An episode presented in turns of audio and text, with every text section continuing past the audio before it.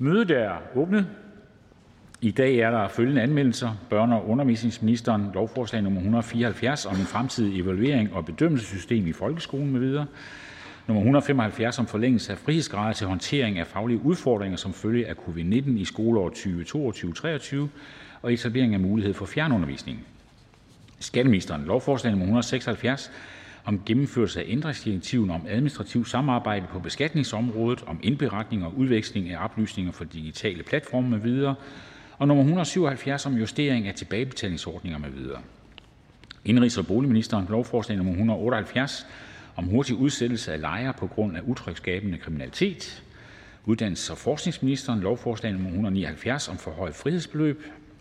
Justitsministeren Lovforslag nummer 180 om opfølgning på flerårsaftalen om Kriminalforsorgens økonomi 2022-2025, herunder leje af fængselspladser i udlandet med midler.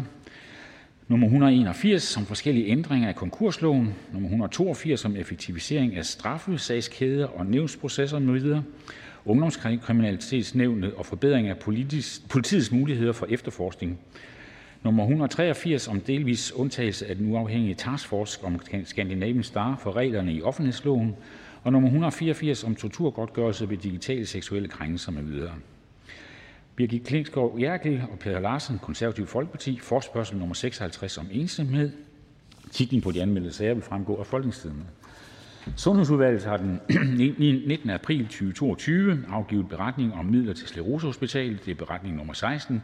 Den vil fremgå af Folketingstidende. Det næste punkt på dagsordenen er besvarelse af spørgsmål til ministerne. Og til tilhørende vil sige, det er sådan, at folketingsmedlemmerne senest fredag middag indleverer spørgsmål til ministerne, og så tager de en lille debat her. De får først hver to minutter, og så er der tre gange en minut øh, til at udveksle synspunkter. Den første, det er til udenrigsministeren af hr. Morten Messersmith, Dansk Folkeparti. Værsgo for oplæsning af spørgsmålet. Tak, formand. Er udenrigsministeren enig med den daværende forsvarsminister, fru Trine Bramsen, som til DK4 i december 2020 sagde, at citat, vi vil sidde med ved bordet, det gør man faktisk som dansk forsvarsminister, man sidder med ved bordet, citat slut. Og citat, vi kan tage ordet og diskutere og sige, hvad vi synes er, vigtigt, øh, er væsentligt. Jeg kommer jo ikke til Bruxelles for ikke at sige noget. Citat slut. Og på folkemødet den 29. april 2021 sagde, citat, det er ikke et billede, jeg kan genkende, at vi bliver sendt uden for døren. Vi sidder jo med til alle møderne. Citat slut. Udenrigsministeren. Ja, tak til hr. Morten Messerschmidt for at stille spørgsmålet. I midlertid så så jeg jo egentlig gerne, at spørgsmålet var stillet til forsvarsministeren, da spørgsmålet jo angår forsvarsministerens mødeaktiviteter. Men siden spørgeren har insisteret på, at jeg besvarer spørgsmålet, altså udenrigsministeren, kan jeg øh, i stedet henvise til øh, forsvarsministerens besvarelse af spørgsmål 109 til Folketingets Europaudvalg øh, af 17. marts i år, hvor forsvarsministeren oplyser følgende, og jeg citerer, Danske forsvarsministre har altid adgang til EU-rådsmøder for udenrigsanlægner, forsvarsdelen. Danmark tager imidlertid ikke ordet, når de øvrige EU-lande drøfter emner, som omfattes af det danske forsvarsforbehold. Citat slut. Det er altså helt korrekt, når den tidligere forsvarsminister siger, at vi sidder med ved bordet, eller forsvarsministeren sidder med ved bordet, og at øh, vi øh, ikke bliver sendt uden for døren. Med forsvarsforbeholdet har Danmark dog samtidig forpligtet sig til ikke at forhindre de andre medlemslande i at udvikle deres samarbejde på forsvarsområdet, som de måtte ønske, det fremgår af artikel 5 i protokol nummer 22 om Danmarks stilling. Derfor så tager Danmark heller ikke ordet, når de øvrige EU-lande drøfter forbeholdsbelagte emner, som f.eks. Øh, EU's militære missioner og operationer. Uden forsvarsforbeholdet vil Danmark have mulighed for at deltage fuldt ud, når fremtidens forsvarssamarbejde skal udformes. Det er i Danmarks interesse, særligt i den svære sikkerhedssituation, som er konsekvensen af Ruslands angreb på Ukraine den 24. februar frem. Derfor skal vi afskaffe forsvarsforbeholdet. Tak. Tak for det, og også tak for øh, at øh, gøre det klart for lytterne, at jeg har insisteret på, at det skal være udenrigsministeren, der øh, besvarer det her spørgsmål. Fordi det er udenrigsministeren, som, forstår jeg, er regeringens øh, repræsentant, øh, minister, på det lovforslag, vi snart skal behandle, der handler om at afvikle det danske forsvarsforbehold. Derfor tænker jeg, at det er, det er interessant. Det er i hvert fald udenrigsministeren, der har stået på mål for alle de foparer og, hvad kan man sige, sådan, ja, unøjagtigheder, der har været i processen, så det vil næsten være unfair, hvis ikke udenrigsministeren, når nu han har stået på mål for den, den kluntede formulering på valgkortet og for den manglende garanti i lovforslaget osv., at det ikke også var udenrigsministeren, der ligesom skulle køre processen frem mod 1. Øh, juni. Og derfor er det jo så spændende at tale med udenrigsministeren om de her ting, fordi udenrigsministeren har jo også ved flere andre lejligheder, som en del af den samlede argumentation for at ville afvikle forsvarsforbeholdet, sagt, at det handler om dansk indflydelse. Altså at man skal sætte sit præg på den måde, EU nu opbygger sit forsvar. Altså det forsvar, der jo direkte står i artikel 42 stykke 2, som man gerne vil have Danmark øh, en, en, en del af her, at man skal fjerne forbeholdet for de her bestemmelser, at vi ligesom skal sætte vores præg.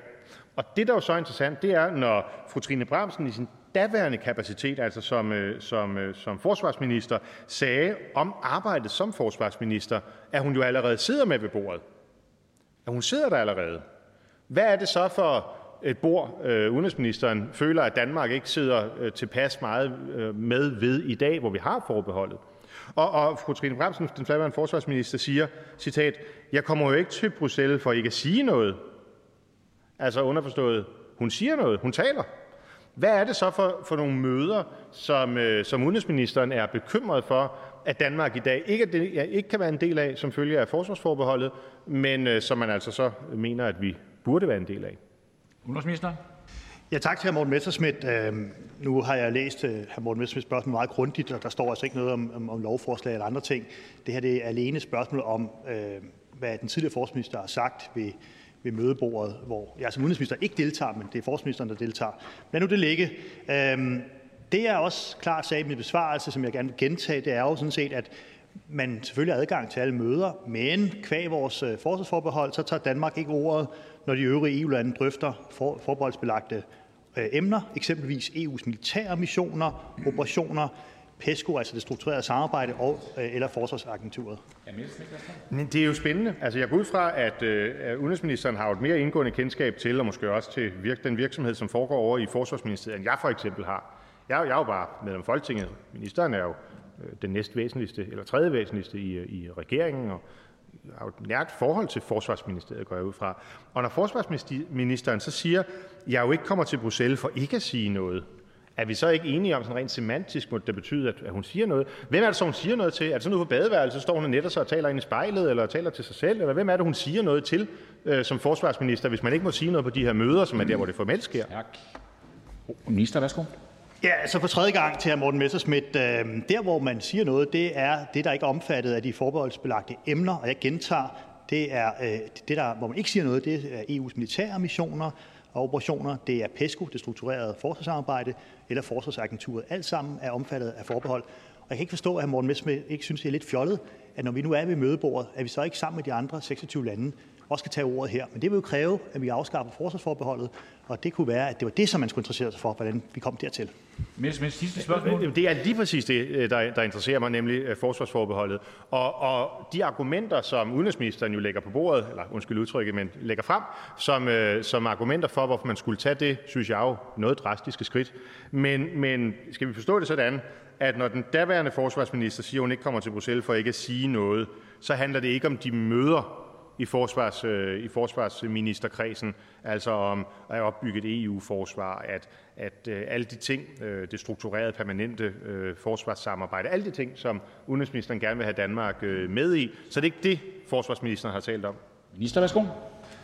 Øh, far for, øh, jeg gentager ikke for fjerde gang, øh, det er jo der, hvor der er forbeholdsbelagte emner, at man ikke tager ordet i respekt for forsvarsforbeholdet. Øh, jeg synes jo igen, at fokus bør være her på, at det er vel lidt fjollet, hr. Messerschmidt, at Danmark sidder med sammen med 26 andre lande. Vi har en krig i Europa med Ruslands ulovlige, uprovokerede krig mod Ukraine. Øh, vi er alle sammen enige om at styrke vores sikkerhed, men Danmark kan ikke tage ordet på vigtige emner omkring øh, udviklingen af EU's forsvarsarbejde. Øh, forsvarssamarbejde. Men det kan vi, hvis vi afskaffer forsvarsforbeholdet. Så derfor bare lige et spørgsmål. Kunne det ikke være meget fornuftigt, at Danmarks stemme blev hørt? Tak for grib. Spørgsmålet er slut. Men vi fortsætter med både spørgsmål til udenrigsministeren og med hr. Morten Messerschmidt. Værsgo for oplæsning af det næste spørgsmål. Tak, formand. Er udenrigsministeren enig med den daværende forsvarsminister, fru Trine Bramsen, som den 16. januar 2020 til Danmarks Radio sagde, at citat, hvis man er med helt inde i kernen af det europæiske forsvarssamarbejde, så skal man jo stille med soldater til også de europæiske missioner. Og, citat slut. Og i et samråd samme år siger, citat, der vil være et krav om, at Danmark skal deltage i operationer, så frem vi bliver en del af inderkernen i EU's forsvarspolitik. Citat slut. Ja, tak til hr. Morten Messerschmidt. Jeg kan jo konstatere, at det for nej-siden er blevet en sport at finde gamle udtalelser, i stedet for at tale om substans og forholde sig til den alvorlige situation, som vi befinder os i efter den 24. februar med Ruslands uprovokerede angrebskrig mod Ukraine. Jeg vil altså hellere diskutere, hvorfor det er vigtigt, at vi tager ansvar og melder os fuldt ind i forsvaret af vores europæiske værdier. Hvis vi træder fuldt ind i det europæiske forsvarssamarbejde, vil der jo være en, en forventning om, at vi løfter vores del af opgaven. For eksempel ved, at vi kan, hvis vi vælger at gøre det, bidrage til missioner og operationer. Jeg vil samtidig gøre det helt klart, at Danmark kommer ikke til at stå i en situation, hvor vi vil være tvunget til at udsende soldater. Det er jo frivilligt, som hr. Morten Messerschmidt ved om, og i hvilket omfang det enkelte land bidrager til EU's missioner og operationer. Og hvis Danmark ønsker at udsende soldater, vil det kræve Folketingets samtykke. Det ved hr. Morten Messerschmidt udmærket, for han kender også grundloven.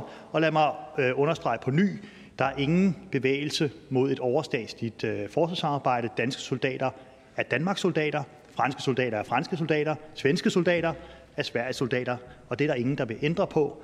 Men øh, jeg håber altså, at vi kan få en ordentlig substansdiskussion, fordi vi står altså midt i en situation i Europa, hvor vi kræver, at det Vesten står sammen. Danmark vil gerne bidrage. Vi har faktisk en pligt til at bidrage til at forsvare vores sikkerhed, og derfor skal vi af med forsvarsforbeholdet.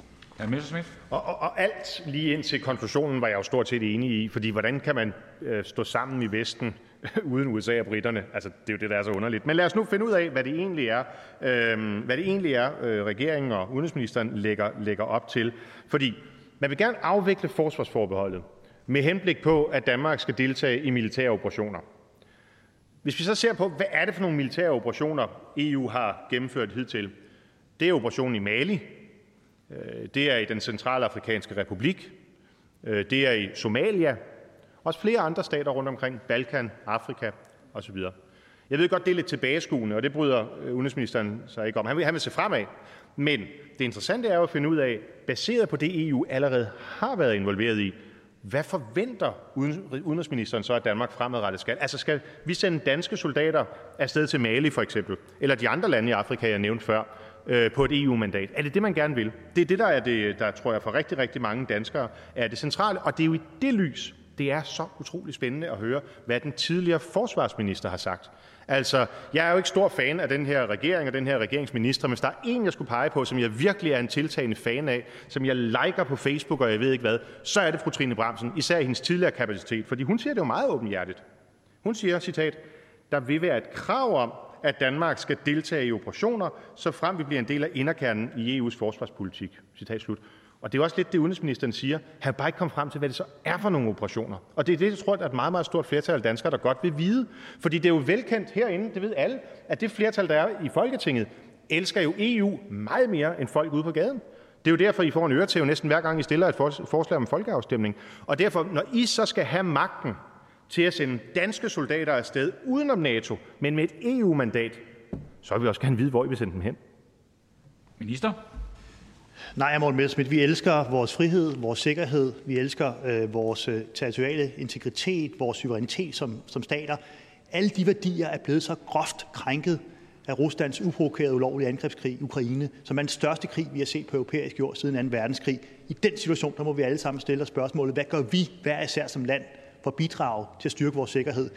Danmark skal ikke være det eneste land, der står med et forsvarsforbehold i EU. Vi skal være sammen med de andre EU-lande de tre baltiske lande, som også er transatlantiske, ligesom vi er, Polen osv., øh, i et stærkt samarbejde, også om at løfte vores egen sikkerhed. Ja, og frihed og sikkerhed, det rimer jo på NATO. Altså, det er jo amerikanerne, det er jo britterne, kanadierne. Altså, der er, der, der, er der, ikke, der er ikke noget, Putin ønsker sig mere, end at EU bygger en EU her, et EU-forsvar, uden amerikanerne og britterne. Det vil, det vil være den største gave, øh, man kan give ham overhovedet. Og det er jo derfor, det er så interessant at finde ud af, hvad er det, I vil bruge den her magt til? Altså hver gang en EU-politiker kommer og siger, giv mig lidt mere magt, så skal man være meget, meget varsom. Så kom nu, udenrigsminister, fortæl os, hvad er det for nogle krige? Er det i Afrika? Er det på Balkan? Hvor er det henne, at EU skal til at føre krig, og Danmark skal være med, hvis vi får det, som I gerne vil have det? Minister? Altså, hvad hr. Putin ønsker sig, det tror jeg godt, vi kan blive enige om, det er splittelse i Europa, hvis det kunne komme dertil. Jeg tror, at det, der er overrasket, det er det sammenhold, som har været mellem EU og NATO transatlantisk. Og det kan kun blive styrket af, at Danmark afskaffer forsvarsforbeholdet og løfter sin del, også i forhold til EU's forsvarssamarbejde, sammen med amerikanerne, sammen med NATO, for sådan er det i dag. Det andet spørgsmål omkring, hvor vi kan bidrage, for eksempel på Balkan, som hr. Morten Messerschmidt selv peger på, Bosnien. Her var der en NATO-ledet operation, da den overgik til at være EU-militærledet, så måtte Danmark trække sig ud. Det er da lidt fjollet, er det ikke det? Med sidste spørgsmål, værsgo. Altså, sagde udenrigsministeren lige EU og NATO? Jamen altså, det handler da om Vesten. Det handler da om ikke kun EU-landene, men også Norge, også Storbritannien, også Island og alle de lande, som vi normalt betragter som vores allierede, at det er dem, vi skal holde sammen på. Og det er jo i det perspektiv, at når for eksempel Macron han udpeger ikke bare Kina, ikke bare Rusland, men også USA som en fremtidig modpol til EU's militær, så bliver det jo en splittelse, ikke af EU, men af Vesten. Og det er da det, som Putin drømmer om. Så udenrigsministeren og EU går da Putins ærne. Minister, værsgo. Altså, den her fremstilling er jo ikke korrekt, hr. Morten Messerschmidt. Tværtimod så er samarbejdet mellem øh, EU og NATO historisk og godt. Og hver organisation bidrager til at komplementere for vores øh, sikkerhed øh, ved de forskellige kapaciteter, man har. Tag os tage Rusland. Vi laver sanktioner mod Putins krigsmaskine. Det håber jeg, at Morten Messerschmidt bakker op. Det er EU, ved, der står for det. for det. Sammen med vores partnere transatlantisk.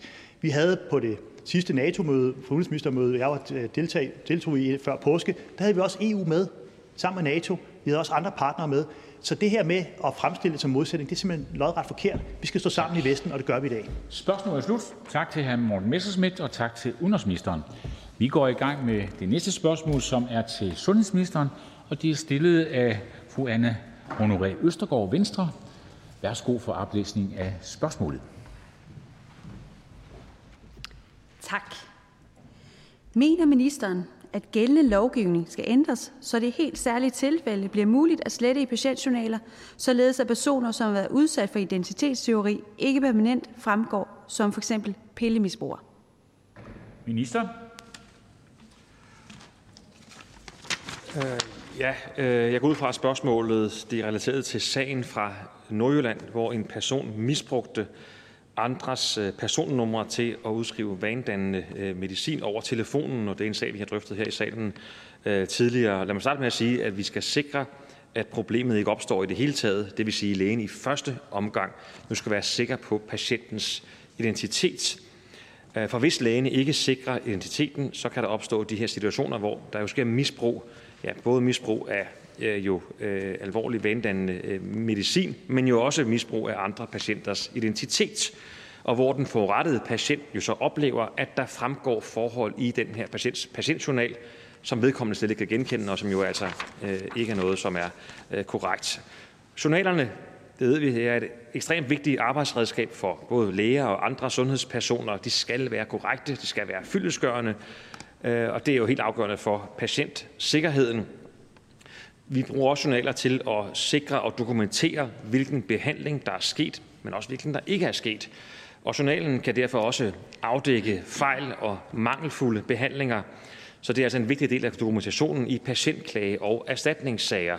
Og så kan journalen have betydning i tilsynssager, hvis der er rettet sådan ind mod øh, sundhedspersoner og behandlingssteder og i forbindelse med straffesager.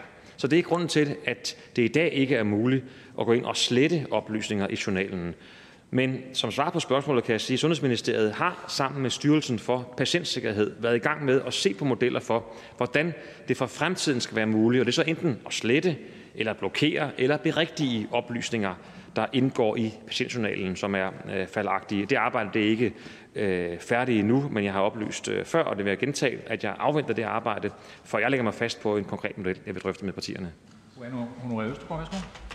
Ja, Øh, tak for svaret, eller rettere sagt, så, så føler jeg ikke helt, at jeg kunne høre ministerens mening i det, øh, men mere, at man afventer endnu en arbejdsgruppe fra ministerens side af. Øh, den her sag drejer sig jo ikke kun om noget i Nordland. Øh, det er 41 personer, der har fået misbrugt deres personnummer til at få udleveret 6.000 øh, piller. endda nogle meget, meget grimme piller. Øhm, så og jeg, jeg, det er korrekt, jeg har været hjemme og besøge en af dem, øh, og meget hjerteskærende, hvad den person har været igennem. Øh, og sågar øh, måtte flygte fra skadestuen af, fordi at, øh, at lægerne der troede, at hun var pillemisbruger, frem for at øh, hun rent faktisk bare var væltet på cykel, hvilket var det, hun var. Øhm, men, men, men jeg føler helt ærligt, minister, ikke, at jeg får svar på mit spørgsmål. Fordi vi, nu taler vi om identitetstyveri. Vi taler om noget, hvor der står noget, der handler om en helt anden i ens patientjournaler. Og det synes jeg egentlig er ret enkelt. Altså hvis nu der stod at hvis nu du har misbrugt min øh, patientjournal, eller, eller det er jo blevet forkludret eller et eller andet, og der står, at øh, jeg har fået udleveret Viagra af mig som kvinde, øh, fået prostatakræft og alt muligt. Øh, tror du ikke, det, det, det er lidt forvirrende for, for både for lægerne og også øh, det, man vil kalde træls øh, for, for mig? Eller øh, hvis der står, at ministeren er misbruger, heroin, øh, ministeren øh, har fået kønssygdomme, øh, Øh, og jeg ved ikke hvad, altså mener ministeren helt ærligt ikke, at hvis der er noget, nogen, der har gjort noget, som, og det ikke handler om ministeren selv, at det bør kunne blive slettet fra ens patientjournaler? Det er egentlig ja eller nej. Minister? Øh, jo, øh, for det første er det en konkrete sag, hvor en misbruger har misbrugt andre menneskers CPR-nummer og fået udskrevet på trods af klare øh, Øh, retningslinjer om, hvornår man må udskrive som vagtlæge, hvornår man må udskrive, øh, og hvad man ikke må udskrive til patienter, man ikke ser, nemlig via telefonen. Øh, der har jeg indskærpet over for regionerne, at der skal man overholde øh, de her øh, retningslinjer. Og den er altså, at om det bliver sletning eller en blokering af oplysningen eller en anden form for sådan en tilretning, det er det arbejde, vi er ved at undersøge. Værsgo, spørger. Okay. Nu, nu er det jo ikke nogen hemmelighed, at det her arbejde det er stået på øh, i mange, mange år, faktisk siden 16. Øh, og jeg kan forstå, at ministeren satte øh, arbejdsgruppen i gang igen i november. Øh, den person, jeg har været hjemme og besøg, har nu fået øh, nyt personnummer. Det, når, at få nyt personnummer, det er ikke nemt for det første at få det. Derudover så skal alt skiftes, vi taler pas, kørekort, nem idé, telefonabonnementer, forsikringspapir, licens osv. Øh, så derfor spørger jeg bare, det her arbejde her, der er sat i gang, Hvornår kan vi forvente en konklusion på det? Minister? Jamen, det kan vi jo øh, så hurtigt som muligt. Altså, det er rigtigt, at der var et arbejde, og den daværende regering øh, briefede eller præsenterede sundhedsordførende i august 2017 for tre modeller, men valgte jo ikke at gå videre valgte vi ikke at gå videre, og det er der nok en grund til, at det ikke er lige så enkelt, øh, som det lyder, for det tit har vi jo et problem med et oplagt, helt et ægte problem, vi godt vil løse her. Udfordringen er bare, at patientjournaler bruges, er så afgørende for patienters sikkerhed, for hvis der begås fejl i vores sundhedssystem, så man skal være helt sikker på, at vi hegner det helt præcist ind, og vi ikke kommer til at lave systemer, der sletter nogle oplysninger, som vi skal bruge øh, andre steder, og det er det, øh, det kombination, der er. Anne Honoré, sidste spørgsmål. Værsgo. I lige præcis de helt oplagte tilfælde, her hvor der er tale om det identitetsteori, kan ministeren ikke sætte en dato på, hvornår der kommer noget der? Sidste gang blev det jo forpurret af valg, og risikoen er jo det samme her. Hvis ministeren vælger at ikke sætte en dato på, så kan ministeren ikke sætte en dato på, hvornår de her mennesker kan få et svar. Lige nu drejer det sig om 41 personer, men identitetsteori, det jeg tror jeg desværre er kommet for at blive, øh, så det er ikke det eneste, vi kommer til at se om det. Så kan ministeren komme med en dato eller et risiko for, at det også bliver forpurret af et valg? Minister? Jeg tror ikke, forpudret det valg. Altså, som jeg forstår det, så som sagt, altså, den tidligere regering præsenterede nogle, løst nogle forslag i august 2017. Det var da ikke lige tæt på et folketingsvalg. Men man valgte ikke lige at gå videre med det, fordi der skulle nok noget mere arbejde til. Øh, og, og det, der jeg siger, det arbejde er ikke øh, tilvejebragt øh, af den grund, at vi skal løse det her problem her, men vi skal ikke bare kan skabt alle mulige andre problemer, fordi vi har alle sammen brug for, at vores øh, patientjournalsystemer fungerer, og, og det skal vi være sikre på, at vi laver nogle tilretninger af de her systemer. Jeg er med på, at vi skal finde en løsning på det her, men vi skal bare ikke gøre noget, som skaber andre problemer. Tak. Spørgsmålet er slut. Tak til sundhedsministeren. Tak til Anne Honoré Østergaard. Og vi går videre, men nu er det med spørgsmål til udlænding og integrationsministeren, og spørgerne er hr. Markus Knudt, Konservativ Folkeparti. Værsgo for oplæsning af spørgsmålet. Tak, formand. Hvad er ministerens holdning til, at en dygtig amerikaner med topjob i Danmark ikke kan få permanent ophold, på trods af det faktum, at han er en stor bidragsyder til vores samfund? Ministeren. Tak for spørgsmålet. Jeg læser selvfølgelig også den artikel i Dagbladet Politikken, som jeg er sikker på, at spørgsmålet tager øh, afsæt i. Øh, og jeg vil godt starte med at sige noget generelt, øh, som jeg er sikker på, at spørgeren har hørt før, nemlig at som minister hverken kan, skal eller vil jeg blande mig i myndighedernes konkrete sagsbehandling eller afgørelser. Øh, afgørelser om permanent opholdstilladelse træffes af Udlændingsstyrelsen i første instans og med klageadgang til det uafhængige udlændingenævn. Jeg kan dog sige lidt mere generelt, at vi stiller nogle strenge krav til at få permanent ophold i Danmark. Det synes jeg også, vi skal, fordi det er vigtigt, at folk, der får permanent opholdstilladelse, øh, er integreret i det danske samfund. Og det er desværre ikke alle, der kommer hertil, som ønsker at være en aktiv del af vores samfund. Det betyder også, at vi en gang imellem må høre om sager, hvor folk har fået afslag. Men jeg vil også godt sige, at som jeg øh, kan læse ud af den artikel, som jeg kun kender fra, fra avisartiklen, at det virker som om, at der er en person, der har fået afslag på permanent opholdstilladelse, fordi han er kommet til at tage en prøve på et højere niveau, end det han egentlig havde behøvet. Og det synes jeg jo ikke rigtig giver mening. Og derfor har jeg også sagt til mine embedsmænd, at det er en regel, jeg synes, vi skal have lavet om. Hr. Markus Tak til ministeren. Det, ministeren sluttede af med at sige, det er jeg faktisk rigtig, øh, rigtig glad for. Fordi den her sag, den demonstrerer jo vidderligt det mest absurde i dansk udlændingepolitik. Benjamin, og jeg mødtes med ham for, for få timer siden, fra USA. Han har jo gået på et top-universitet. Han har et top-job hos en dansk virksomhed. Han har en dansk kæreste. Han, han har lært sig flydende dansk. Han er jo indbegrebet af en, der kommer til Danmark for at bidrage og, og engagere sig.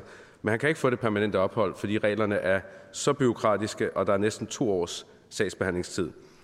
Og så på den anden side af medaljen, og det kender ministeren jo godt til, der har vi jo de her dispensationsregler for unge 18-årige, der får permanent ophold, bare udleveret, selvom de aldrig har haft et job i Danmark. De har ikke taget nogen længere uddannelse, og mange af dem har begået omfattende kriminalitet. Faktisk næsten en tredjedel af de unge 18-årige til 19-årige, der får øh, ophold på lempelige regler. Næsten en tredjedel af dem fra Irak, Iran og Somalia begår kriminalitet, efter de har fået permanent ophold. Så det er jo helt på hovedet. Vi foreslår jo, at ministeren indkalder til forhandlinger, hvor man vender det hele på hovedet, således at amerikanske Benjamin, der har et job, jamen han kan godt få permanent ophold i Danmark, men de her kriminelle unge, de kan ikke. Er det noget, som ministeren vil bakke os op om? Minister? Øh, jeg har ikke mødt øh, Benjamin, som spørgeren har, og jeg kan selvfølgelig ikke stå og behandle en, en konkret sag her. Men jeg synes generelt set har vi en udmærket regel i udlændingeloven. For eksempel, hvis man skal leve op til et krav om dansk 2, så står der mindst dansk 2. Så det betyder, at hvis man har bestået dansk 3, så lever man selvfølgelig også op til kravet om dansk 2. Men når det handler om permanent ophold, så har vi sagt, at man skal, leve op, man skal bestå medborgerskabsprøven. Hvis der så er nogen, der har bestået prøven på et lidt højere niveau, som vi kalder indfødsretsprøven, så gælder den ikke. Og det synes jeg jo ikke giver nogen logisk mening. Og det er derfor, jeg synes, vi skal lave det om. Og det vil vi foreslå øh, i næste folketingssamling, at den øh, lille justering kommer på plads. Og som tak igen til ministeren for den lille, lille, lille bitte indrømmelse. Men hvis jeg bare lige må opsummere her i forhold til, øh, til Benjamins situation. Altså hans verden er ved at bryde sammen. Han er kommet ind på en top MBA i USA, hvor han ikke kan deltage, fordi hvis han ikke er i Danmark, jamen så ryger hele hans ansøgning for, for permanent ophold. Øh, hans første ansøgning er blevet afvist, fordi det netværk, der skulle vise, at han engagerer sig i samfundet, det springer blandt andet ud af World Economic Forum, og det er sådan for unge erhvervsfolk, fordi hjemmesiden er på engelsk. Fordi hjemmesiden er på engelsk, så har han fået afslag. Og nu er der så næsten to års sagsbehandlingstid inden næste svar. Kan ministeren se, hvor absurd det her er? Så er det ministeren. Værsgo. Min grundlæggende tilgang til udlændingepolitikken er, at den skal være stram, men ikke skør. Vi kommer aldrig et sted hen, hvor der ikke engang imellem vil være øh, en enkelt sag, hvor man lige tager sig til hovedet og tænker, det var vist ikke øh, intentionen med lovgivningen. Øh, og det tror jeg heller ikke, at, at spørgen bilder sig selv ind. Øh, men en gang imellem må vi også lige stoppe op, når vi for eksempel læser sådan en avisartikel, og lige sige, kan det virkelig være rigtigt? Og hvis det er rigtigt, at der er noget udlændingelovgivning, der er skør, så synes jeg også, det har vist sig, at Folketinget her de sidste par år har vist sig villige til endda meget bredt at justere de ændringer, og det er det, vi lægger op til her. Sidste spørgsmål, hr. Markus Knudt. Værsgo. Men det er jo ikke bare en lille del af udlændingelovgivningen, der er skør. Det er jo en stor del. Altså, hvis du kommer til som amerikansk erhvervsmand, er det næsten umuligt at få permanent ophold. Men hvis du er kommet hertil som ung fra Mellemøsten, så får du øh, bare øh, dansk permanent ophold udleveret, når du er 18, selvom du har begået kriminalitet. Nu var ministeren lydhør i forhold til nye forhandlinger om statsborgerskab. Ministeren var også lydhør i forhold til at kigge på reglerne for familiesammenføring, hvor der også er nogle skøre eksempler. Så vil ministeren ikke nok indkalde til nye forhandlinger, så vi kan få gennemgået reglerne for permanent ophold en gang og for alle? Minister? Vi ligger ikke op til nogle større ændringer af reglerne for permanent ophold. Der er enkelte steder, hvor jeg synes, det er skørt, og hvor vi vil lægge forslag frem, som lige får fjernet de skøre paragrafer. Øh, ja. Tak for det. Spørgsmålet er slut. Tak til hr. Markus Knudt. Vi går videre stadigvæk med spørgsmål til udlænding og integrationsministeren, men nu er det fru Katrine Oldag, Radikale Venstre. Værsgo for oplæsning. Tak for det. Hvad er ministerens holdning til, at 8 ud af 10 af Udlændingestyrelsens afslag sager, sager om syreårs, op, syreårs ophold i Danmark i 2022 er blevet underkendt af flygtningenævnet, og hvordan vil ministeren, ministeren sikre, at Udlændingestyrelsens praksis følger flygtningenævnets praksis? Minister. Tak for spørgsmålet. Og øh, som jeg også har sagt før, så er det Udlændingestyrelsen i første instans, og derefter det uafhængige flygtningenævn med en dommer for bordenden, der afgør, om folk har behov for beskyttelse i Danmark. Og jeg stoler naturligvis på myndighedernes vurderinger, og vil derfor ikke blande mig i konkrete afgørelser. Men som jeg også har nævnt før, så er flygtningenævnet den klageinstans, der træffer den endelige afgørelse i asylsager, og derfor er det også helt naturligt, at styrelsen er opmærksom på praksis fra nævnet og i relevant omfang indretter praksis, så den stemmer overens med afgørelser truffet af flygtningenævnet. Det har jeg selvfølgelig en forventning om. Ja, det er jo præcis sådan, det foregår, og sådan skal det også være. Det ser jo på papiret rigtig fint ud, systemet fungerer. Bortset fra, at det gør det måske så alligevel ikke, når vi nu ser en stigning i omgørelsesprocenten fra sidste år til i år på 50 procent, over 50 procent til 80 procent. Og det er jo ikke ligegyldigt, at der er så mange øh, sager, der omgøres. De her mennesker de lever i et limbo i alle de mange måneder, de venter på nævnets afgørelse, hvor de bliver utrolig stresset og presset. Mange af dem går jo også psykisk ned og er ikke i stand til at bidrage i samfundet på den måde, vi ønsker. Vi er jo glade for et langt stykke hen ad vejen, at alle de her sager bliver omgjort, men vi er bestemt ikke glade for, at Udlændingestyrelsen ser ud til ikke at rette ind. Den her praksis har foregået siden 2019. Hvornår er det, ministeren synes, at Udlændingestyrelsen skal begynde at rette ind? Minister. Øh, jeg forventer at se et mere klart billede af omgørelsesprocenten her i løbet af sommeren. Øh, og grund til, at det lige tager lidt tid, før at øh, flygtningenævnets fastlagte praksis slår om i Udlændingestyrelsens afgørelser, er fordi der er en sagsbehandlingstid. Men det vil være her i løbet af sommeren, jeg forventer, at vi begynder at kunne se et mere klart billede. Jeg synes også, det hører med til historien, at øh, det ikke er altid sådan, at man ud af flygtningenævnets afgørelser bare kan se en fuldstændig fastlagt praksis. Det er jo noget, der udvikler sig øh, efterhånden. Øh, ja, og netop måske af den grund kunne man så også godt forestille sig egentlig, at øh, Udlændingestyrelsen trækker nogle sager tilbage. Det øh, kan jo også være praksis øh, i andre forvaltningsmæssige sammenhænge, hvor man har sager ude i en ankestyrelse, så trækker dem tilbage, fordi man kan se, at praksis egentlig er det, man har, har, har, afs- eller har besluttet, at det er forkert. Så kunne man ikke forestille sig netop nu her, hvor Udlændingestyrelsen, øh, øh, Flygtningestyrelsen er begravet i sager fra Ukraine, at man netop trækker øh, sagerne tilbage, lader dem ligge, og så koncentrerer sig om Ukraine? Minister. Øhm, alle sagerne er jo ikke ens. Altså, det kan jo godt være et asylmotiv, der handler om folk, der er deserteret fra militæret, og et andet asylmotiv, der handler om øh, homoseksualitet eller øh, en religiøs minoritet. Så selvom det alle sammen handler om syger, der er flygtet fra den samme krig, så kan asylmotiverne være meget forskellige, og derfor kan man ikke bare, når der er fastlagt en praksis i en sag, øh, kalkere det over på alle andre sager. Nu hørte jeg også Udlændingsstyrelsen nævnt i P1 i går, hvor de jo også siger, at at nogle gange er det fordi, der har været offentlig eksponering tak. efter afgørelsen i første instans, der ændrer afgørelsen i anden instans. Tak for det. Sidste spørgsmål, Katrine Jeg er utrolig glad for, at ministeren trækker det eksempel frem. Fordi af de 20 sager, der nu er offentliggjort på flygtningenevnets side, der er tre af sagerne har været en tur i mediemøllen. Og af de tre sager, der er den ene stadigvæk fået afvist asyl. Så det har jo intet at gøre med, hvorvidt de er i medierne eller ej. Det har udelukkende noget at gøre med, at afgørelsen har været forkert fra, fra, flygtninge, fra Udlændingsstyrelsens side. Så hvornår er det, vi kommer til at se, at der sker ændringer i, flygtninge, i Udlændingsstyrelsens praksis? Minister? Øh, jamen det, man måtte forstå øh, i går i P1 fra Udlændingsstyrelsen, er jo, at omgivelserne blandt andet skyldes, at nogle syre har gjort sig til genstand for offentlig eksponering. Det betyder jo ikke, at alle, der har været i medierne, automatisk får asyl. Det betyder bare, at grundlaget for at træffe afgørelsen i flygtningenevnet kan være anderledes, end den var i Udlændingsstyrelsen, fordi der er sket noget nyt, fordi der måske er nogle mennesker, der har offentligt eksponeret sig selv. Og det øh, gør bare, at man kan ikke sige, at afgørelsen i Udlændingsstyrelsen var forkert, fordi den bliver omgjort i nævnet. Der kan godt være sket noget, det her eller andet, som gør, at grundlaget er ændret. Tak for det. Ja, det var ikke sådan en diskussion. Spørgsmålet er slut. Tak til udlændinge- og integrationsministeren, og tak til Katrine Oldag, Radikale Venstre. Og hermed er spørgetiden også afsluttet. Det betyder, at vi går til næste punkt på dagsordenen, som er første behandling af beslutningsforslag nummer B 87: Forslag til folketingsbeslutning om udvisning af udlændinge, der hjælper illegale udlændinge i Danmark. Af Morten Messerschmidt (DF). Forhandlingen er åbnet og starter med udlændinge- og integrationsministeren.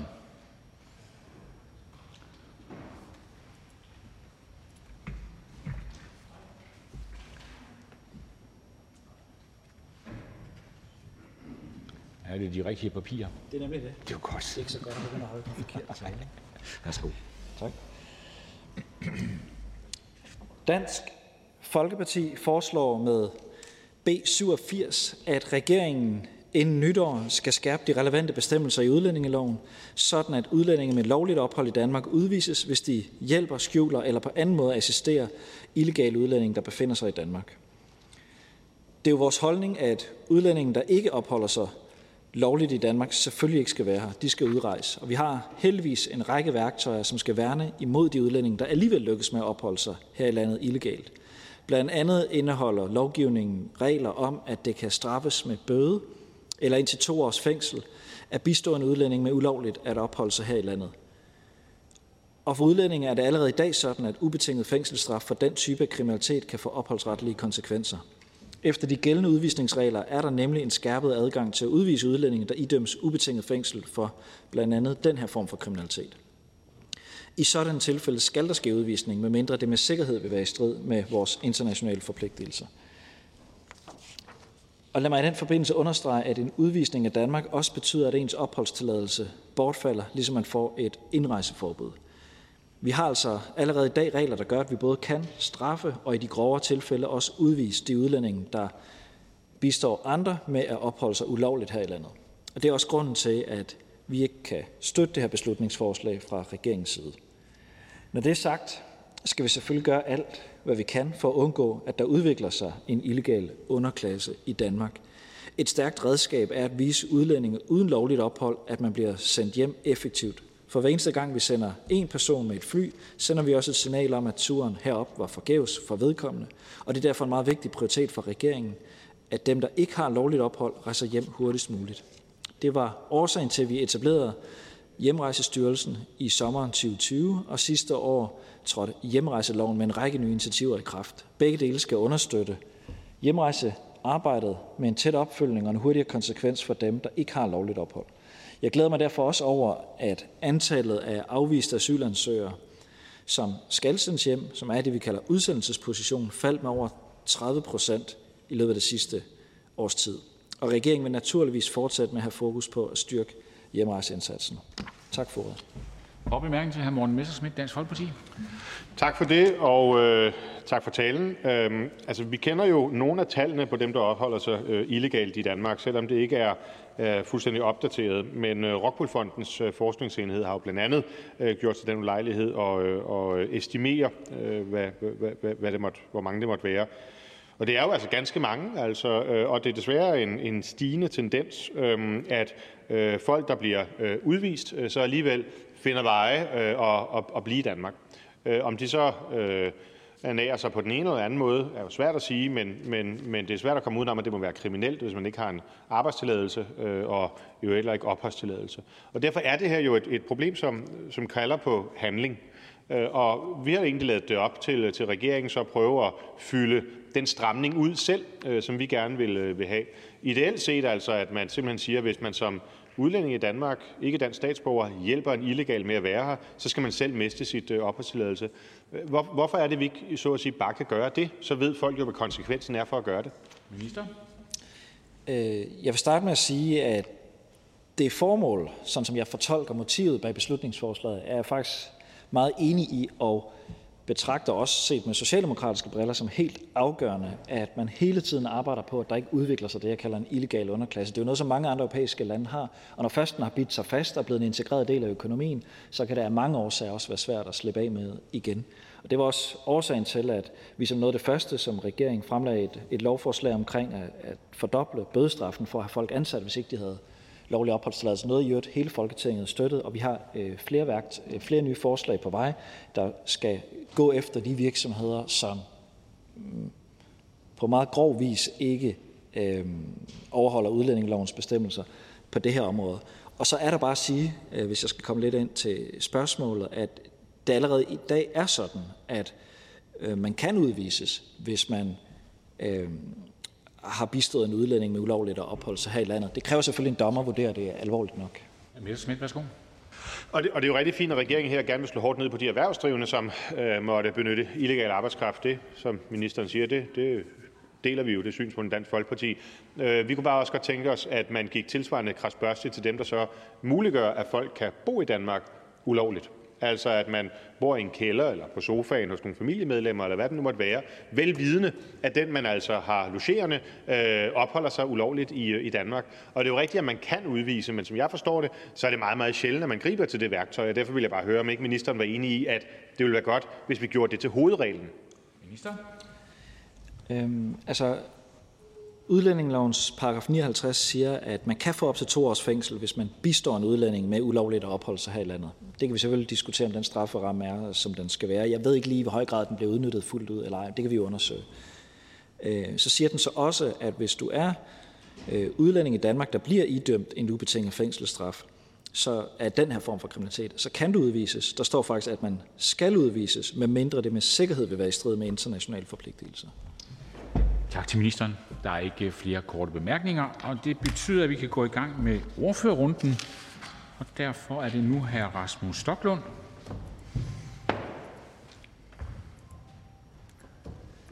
Socialdemokratiet. Tak.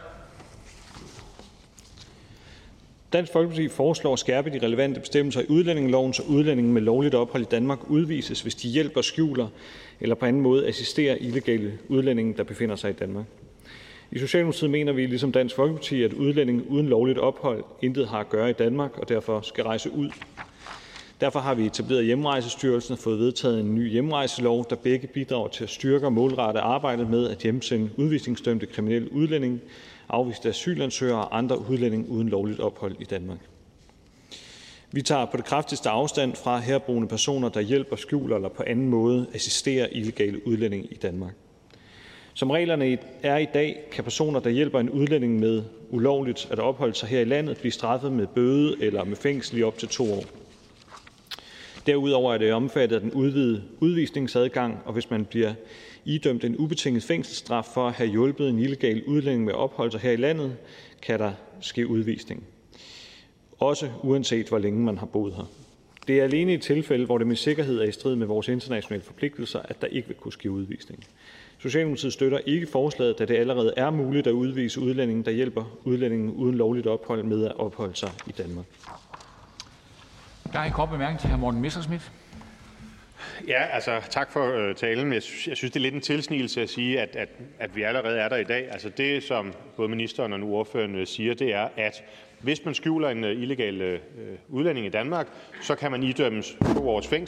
Øh, eller op til 2 års fængsel, og hvis man bliver dømt op til 2 års fængsel, så kan man jo udvises.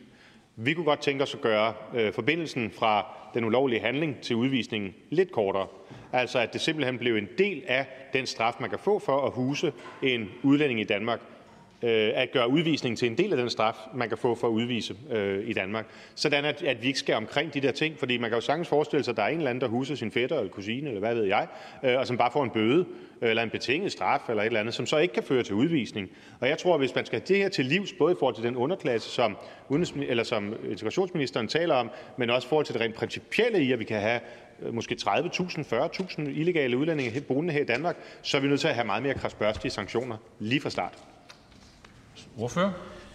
Men sådan som lovgivningen er i dag, der kan man jo efter øh, udlændingelovens regler blive straffet med bøde eller fængsel indtil to år, både som udlænding og som dansk statsborger, hvis man hjælper udlænding med ophold sig illegalt.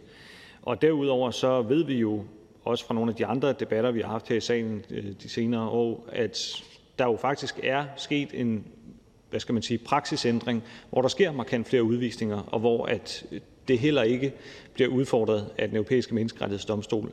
Og øh, derfor mener vi sådan set også i det her tilfælde, at reglerne de er blevet, øh, eller de er allerede på et, et stramt og øh, højt niveau. Messerschmidt, værsgo. Ja, men det ændrer jo det synligheden ikke lysten til at hjælpe illegale indvandrere, eller afhjælper til synligheden ikke lysten til at hjælpe illegale indvandrere med at finde ophold i Danmark. Fordi de tal, som Rockwool Fondens øh, forskningsenhed kommer med, det er så godt nok tal, der er 3-4 år gamle, men de estimerer jo altså, at der er mellem 23 og 29.000 personer i Danmark illegalt. Og de bor jo, nogle af dem bor på gaden selvfølgelig, øh, men øh, langt hovedparten, må man lægge til grund, bor illegalt et eller andet sted. Så er ordføreren ikke enig i, at vi er nødt til at skærpe den sanktion, der er forbundet med at huse en logerende øh, illegal indvandrer? Jeg tror faktisk, at sanktionerne er på et fornuftigt niveau og også på et højt niveau. Men at det meget høje antal udlændinge, som opholder sig illegalt i Danmark, jo ikke alle sammen nødvendigvis er nogen, der får hjælp af hverken danskere eller andre udlændinge til at opholde sig her. Og derfor så er det jo også et spørgsmål om at sørge for, at de, at de kommer ud, og at de ikke har held til at etablere en tilværelse her i Danmark. Tak til ordføreren. Der er ikke flere korte bemærkninger. Og det betyder, at vi kan gå videre til hr. Mads Fuglede,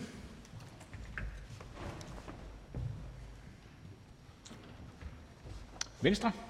Tak. Tak for ordet. Det er en, øh, det er en vigtig problemstilling, der rejses her. Vi mener, det er en alvorlig forbrydelse i Venstre, at man huser og skjuler illegale udlændinge, og at de pågældende bagmænd skal straffes, uanset om bagmændene er danskere eller udlændinge. Vi mener også, at udlændinge, der ulovligt opholder sig i Danmark, skal hjemsendes til deres hjemland så hurtigt som muligt. Vi er meget positivt helt grundlæggende over for øh, forslagets hensigt, nemlig at der skal være færre udlændinge, der har mulighed for at øh, opholde sig illegalt i Danmark, og vi er også bekymrede over det store antal, som øh, forskning har vist, øh, der opholder sig øh, illegalt i Danmark. Øh, og vi afviser bestemt ikke, at en vej til at få det tal ned kan være, at man straffer de pågældende bagmænd, der huser dem og skjuler dem. Vi mener dog, at der allerede i dag er regler, der gør, at man kan straffes og i grovere tilfælde også udvises, hvis man bistår andre med at opholde sig ulovligt øh, i landet. I stedet for at støtte det her forslag, så mener vi, at vi skal have større fokus på hjemsendelser af udlændinge, der opholder sig uden opholdsgrundlag øh, i Danmark, og vil egentlig hellere ned af, af det spor øh, først.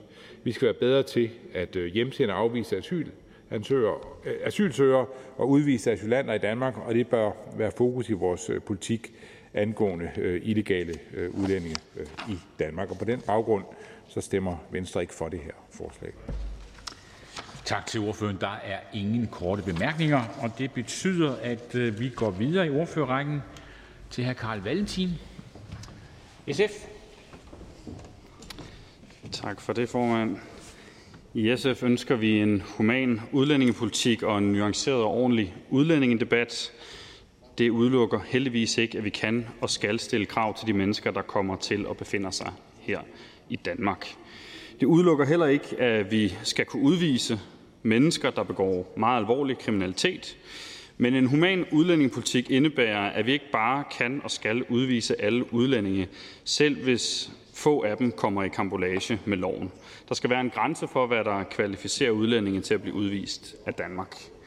Vi har tidligere været med til at sikre, at dansk lovgivning og de danske domstole skubbede til grænsen for, hvornår man kan udvise udlændinge, at det er blevet nemmere, og vi har også bakket op om, at det skal være endnu nemmere at udvise voksne udlændinge, der begår kriminalitet, som er alvorligt til skade for Danmarks vitale interesser.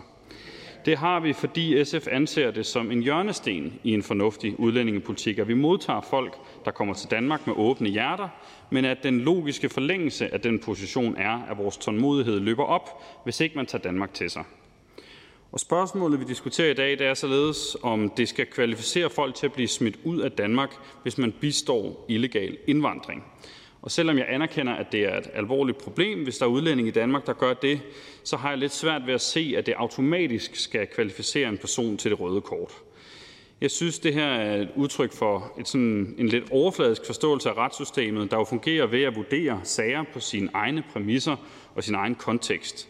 Jeg husker for eksempel den gang, at Blå Blok blev fortørnet over, en mand affyrede jagtgevær, og at det at forsvare sig mod en anden mand, som angreb ham med en økse, det resulterede i en hårdere dom end angriberen. for så derpå at finde ud af, at den hårde dom skyldes Blå Bloks egne stramninger af våbenloven. Det samme gør sig lidt gældende her.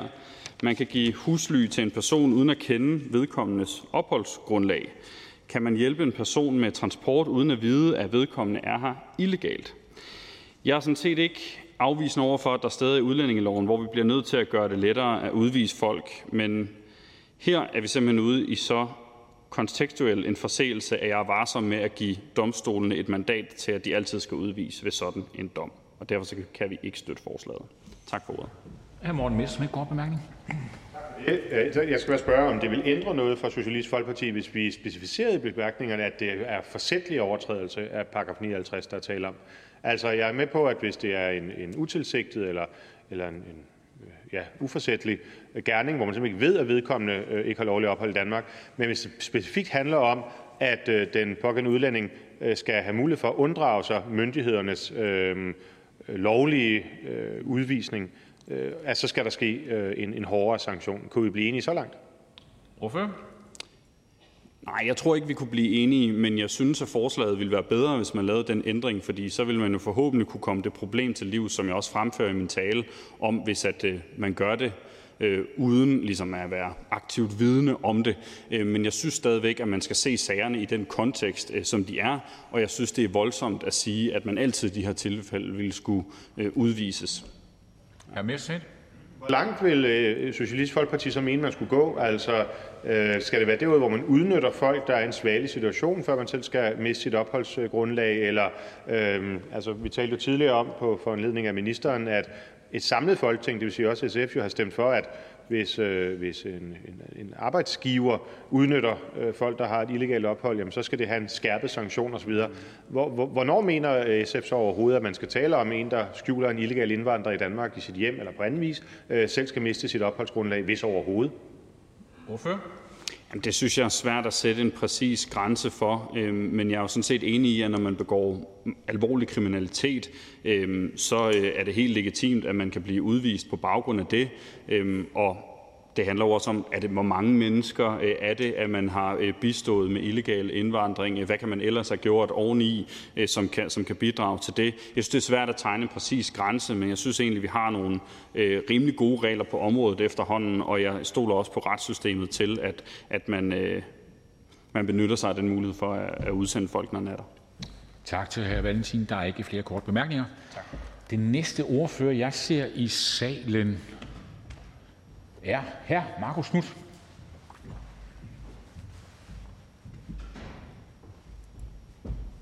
Konservativ Folkeparti. Tak, formand. Vi har bare ikke så mange om budet i dag. Øh, jeg skal gøre det her kort. Jeg synes, det er et rigtig fint forslag fra Dansk Folkeparti, øh, men virkeligheden er jo, at øh, straframmen i dag er jo allerede op til to år for øh, at hjælpe illegalt. Og øh, det synes vi sådan set er en fin straframme. Problematikken er, at den ikke altid fører til udvisning, og et af de forslag, vi selv er kommet med, er at fjerne det, der hedder den såkaldte trappestigemodel øh, i, øh, i dansk retspolitik, hvor hvis man har været her efter det, det er jo sådan i dag, hvis man kommer direkte til Danmark og begår noget kriminelt, så er det egentlig ret nemt at udvise folk, for eksempel øh, for, for den her forseelse.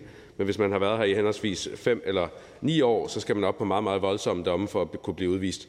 Den der trappestige, at man bare kan jo længere man har været her, jo mere omfattende skal kriminaliteten være, før man bliver udvist. Den ønsker vi at fjerne, og når den håb forhåbentlig bliver fjernet, vi har faktisk haft nogle positive indikationer fra, fra ministeren på det, jamen så vil en lov, lovovertrædelse af den her natur rent faktisk også føre til, øh, til øh, kunne føre til udvisning. Og derfor så synes vi, det er et fint forslag, men vi bakker ikke op. Tak til ordføreren. Ingen kort bemærkninger. Og så er det fru Rosa Lund, Enhedslisten. Tak. Der er på en eller anden måde en stor forskel på, hvad man ønsker at få gennemført i Dansk Folkeparti med det her beslutningsforslag, nemlig at kunne udvise udlændinge med lovligt ophold i Danmark, og så det problem, man forsøger at løse med beslutningsforslaget, nemlig at der er mennesker, der opholder sig illegalt i Danmark. Når man læser forslaget, så er der en meget lang forklaring på, hvor mange illegale udlændinge der er i Danmark, og hvad det medfører af dårligdomme. Og den del af forslaget kan jeg til dels godt være enig i. For det er nemlig et problem, at vi har nogle bagmænd, der tjener penge på menneskehandel, både i bygge- og i sexindustrien. Det er en problemstilling, vi i Enhedslisten går meget op i, og siden vi indgik politiforliget, så har jeg holdt justitsministeren i ørerne for at sikre, at de ekstra midler, vi fik afsat til netop at løfte indsatsen mod menneskehandel, rent faktisk medfører en forbedring af indsatsen. Der, hvor filmen knækker helt i det her forslag, det er, hvor løsningen bliver at udvise udlændinge med lovligt ophold. Noget, der vel at mærke, for noget, der vel at mærke allerede er strafbart i forvejen, og derfor i forvejen har en betydning for ens opholdstilladelse. Men der er ingen steder i forslaget nævnt et eneste eksempel på en udlænding med lovligt ophold, der har begået den her forbrydelse. Man nævner alle mulige tal på helt op til 49.000 illegale, men ingen steder er der et eneste eksempel på en udlænding med lovligt ophold skulle have været årsagen til, at der er illegale mennesker, eller at der er mennesker illegalt i Danmark. Og derfor kan det jo umuligt være løsningen på problemet at udvise eller at udvide udvisningsbestemmelserne, når det ikke er dem, der er årsag til, at vi har problemet i Danmark. Vi har nogle meget stramme udvisningsregler i Danmark, og selvom at Dansk Folkeparti ikke rigtig anerkender, at menneskerettighedskonventionen er vigtig og er en vigtig minimumsstandard for, hvordan vi behandler mennesker, så er det nu engang sådan, at Danmark har tiltrådt konventionen, og derfor er vi også forpligtet af den. Og heldigvis for det, må jeg bare sige. Så selvom der bliver gjort et stort stykke arbejde fra forslagsstillernes side for at få, få os meldt ud af menneskerettighedskonventionen, som er et tema, som hr. Morten Messerschmidt og jeg også har ved andre lejligheder diskuteret flere gange, så er vi nu engang medlem ad, eller har vi nu engang tilsluttet os konventionen, og vi mener i Enhedslisten ikke, at vi skal længere skal gå til kanten af konventionerne, men at vi skal stå på skuldrene af konventionerne, altså at de ikke bliver et loft, men et minimum. Derfor så kan det jo undre, at et demokratisk parti vælger at fremsætte et forslag, velvidende, at det kan være i strid med helt grundlæggende rettigheder. Menneskerettighederne er ikke et eller andet tilfældigt projekt, der handler om at gøre livet surt eller besværligt for hverken regeringen eller hr. Morten Messerschmidt. Det er den absolute minimumsgrænse for, hvordan vi skal behandle mennesker i vores samfund. Og hvis vi melder os ud af det eller nægter at følge de rettigheder, som følger af konventionen, jamen så går vi jo også ind og siger, at mennesker ikke fortjener et værdigt liv. Og det synes vi i Enhedslisten ikke er i orden, og jeg tænker ikke, at det kommer bag på forslagstillerne eller hr. Morten Messerschmidt, at Enhedslisten ikke kan støtte det her beslutningsforslag. Kort bemærkning, hr. Morten Messerschmidt. Der er jo noget, øh, sådan noget paradoksalt over den tale, fru Lund valgte at holde her. Fordi først så siger hun, at øh, der ikke er nogen udlændinge, der skjuler illegale udlændinge, hvorefter hun øh, geråder sig ud i en lang menneskeretlig redegørelse for, hvor vigtigt det er ikke at krænke menneskerettighederne for de udlændinge, der så angiveligt ikke findes. Altså, der må man jo lige sådan finde ud af, er der nogen derude, som skjuler illegale indvandrere, eller er der ikke nogen derude? Jeg tror nok, der er nogen derude. Øh, fordi øh, de tal, vi kan se fra Rockwool-fonden om øh, op til for tiden måske 30.000 indvandrere, der opholder sig illegalt i Danmark, får selvfølgelig hjælp af nogen. Øhm, og det kan godt være, det danske statsborgere, der gør det alt sammen. Det ved jeg jo ikke. Men i givet fald, så vil det her forslag jo bare ikke have nogen effekt. Så det skal jo ikke afholde fru Lund fra at stemme for det. Øhm, for jeg tror faktisk, der er ganske mange udlændinge, som træder til for at sikre, at hele den her industri, øh, eller hvad det nu er, af illegale indvandrere kan blive i øh, i Danmark. Jamen, jeg er jo sådan set enig med forslagsstillerne i, at det er et problem, at der er mennesker, der opholder sig illegalt i Danmark, og at menneskehandel er et kæmpestort problem, også i Danmark, og det skal vi sætte ind over for. Og det er præcis derfor, at det var en af de ting, der var vigtige for Enhedslisten at få med i aftalen om politiets økonomi. Det, jeg bare siger, hr. Morten Messerschmidt, er, at når Dansk Folkeparti ikke kan komme med et eneste eksempel på, at det skulle være indvandrere med lovligt ophold i Danmark, der står for at holde den her såkaldte industri, kan vi godt kalde det, i live, jamen så er det jo heller ikke det, der kommer til at løse det. Hr. Messerschmidt. Jamen, nu lægger jeg til grund ud for det, jeg har hørt fra ministeren, at der nok er et par enkelte øh, dem, der bliver dømt efter paragraf 59, som ikke er danske statsborgere. Øh, det, der er det store spørgsmål, det er, hvis fru Lund og enhedslisten kærer sig så meget om øh, ikke at få sådan en, øh, en, en øh, en illegal øh, sådan underklasse i Danmark af indvandrere, hvorfor vil man så ikke gøre noget ekstra hårdt ved dem, som holder hånden under, at det kan ske? Altså, det er jo dem, der sikrer, at de her illegale, fru Lund nævnte nogle af dem tidligere, øhm, indvandrere kan opholde sig i Danmark. Man kan jo ikke bare gå ud og lege en, lejlighed eller købe et hus, hvis man ikke har lovligt ophold. Altså, det er jo svært. Så det er jo nogen, der ligesom bistår dem. Og hvorfor vil man ikke gribe hårdere ind over for det, når man er imod selve... Øh... Så får vi svar fra ordføreren. Værsgo. Jamen, det vil vi også øh, rigtig gerne gøre, her Morten Messerschmidt, men nu er det jo engang desværre sådan fra mit perspektiv, at enhedslisten ikke har opbakning til al sin politik ind i den her sal. Men vi går jo for eksempel ind for, her Morten Messerschmidt, at man laver en kriminalisering af kunderne til prostitution.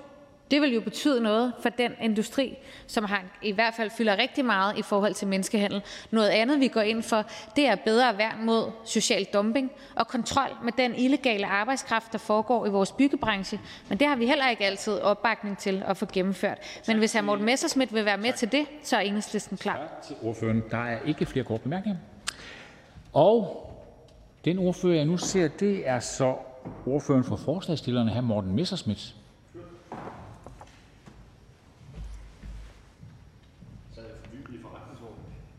Det er også spændende læsning. Tak, formand. Ifølge Rockwool Fondens øh, forskningsenhed er der en øh, voldsom mængde øh, udlændinge i Danmark, som opholder sig uden lovligt øh, opholdsgrundlag. Og det skaber selvfølgelig en hel række øh, problemer.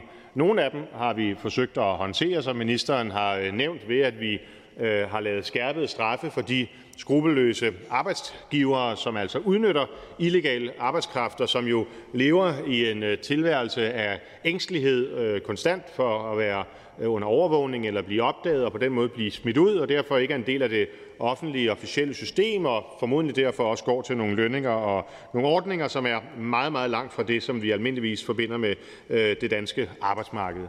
Men der er jo også en anden side af mønten. Der er også det element, at det over for de mange udlændinge, der opholder sig lovligt i Danmark, selvfølgelig er voldsomt demotiverende og demoraliserende, at øh, det ikke har en skærpet eller en stærkere konsekvens, øhm, at man kan være i Danmark, eventuelt som udvist eller på anden måde, hvor man altså befinder sig illegalt her.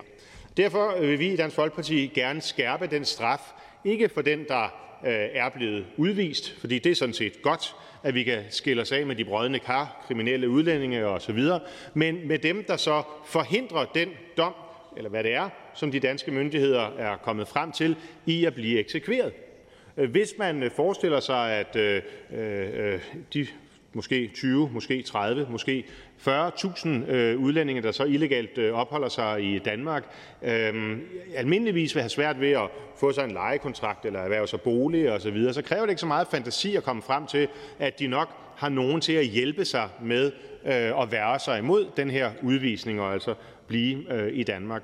Og det er nok heller ikke helt sådan øh, ude på overdrevet forestiller sig, at mange af dem, som så hjælper de illegale indvandrere i Danmark, jamen de er selv folk med, med indvandrerbaggrund. Og det er derfor, hvis vi vil gøre noget ved det første problem, helt afgørende, at vi også gør noget ved det andet problem. Og det er der, hvor jeg synes, den nuværende konstruktion, som ministeren redegjorde for, hvor man jo kan idømmes op til to års fængsel, øh, hvis man Øh, huser en illegal indvandrer i Danmark, og hvis man dømmes for det, selvfølgelig kan udvises af Danmark, simpelthen er for, for mange ledet. Øh, vi har brug for, hvis vi skal det her uvæsen med illegale indvandrere til livs, at vi får en meget hurtigere og meget mere konsekvent proces fra den ulovlige handling, at man huser den illegale indvandrer, til at opholdsgrundlaget for den pågældende øh, udlænding, der har, har gjort det her, det forsvinder. Og det er det, vi havde i Dansk Folkeparti et lidt måske naivt håb om at øh, kunne få flertal for øh, i dag. Øh, regeringen er som altid rosenrød i sin tale, sort øh, som natten i sin handling. Der kommer ikke til at ske noget. Jeg fornemmer dog, at der i hvert fald fra de øh, borgerlige øh, partier er en, en forståelse af problemet og også en imødekommelse af, at der skal ske noget. Øhm, om det så er den anden øh, løsning, som, som vi i Dansk Folkeparti her øh, anviser, det kan vi jo tale om efter et folketingsvalg, hvor øh, tingene forhåbentlig ser mere blå ud og dermed mere lyse ud. Tak, formand. Tak til hr. Morten Messerschmidt. Der er ingen korte bemærkninger. Og da der ikke er flere, som har bedt om ordet, er forhandlingen sluttet. Jeg foreslår, at forslaget henvises til Udlændinge- og Integrationsudvalget. Og hvis ingen gør indsigelse, betragter jeg det som vedtaget. Det næste punkt på dagsordenen er første behandling af beslutningsforslag nummer B 182. Forslag til folketingsbeslutning om en forenkling af udlændingelovens paragraf 22-24 om udvisning. Af hr. Marcus Knuth og Søren Pape Poulsen fra Det Konservative Folkeparti. Forhandlingen er åbnet. Først er det udlændinge- og integrationsministeren.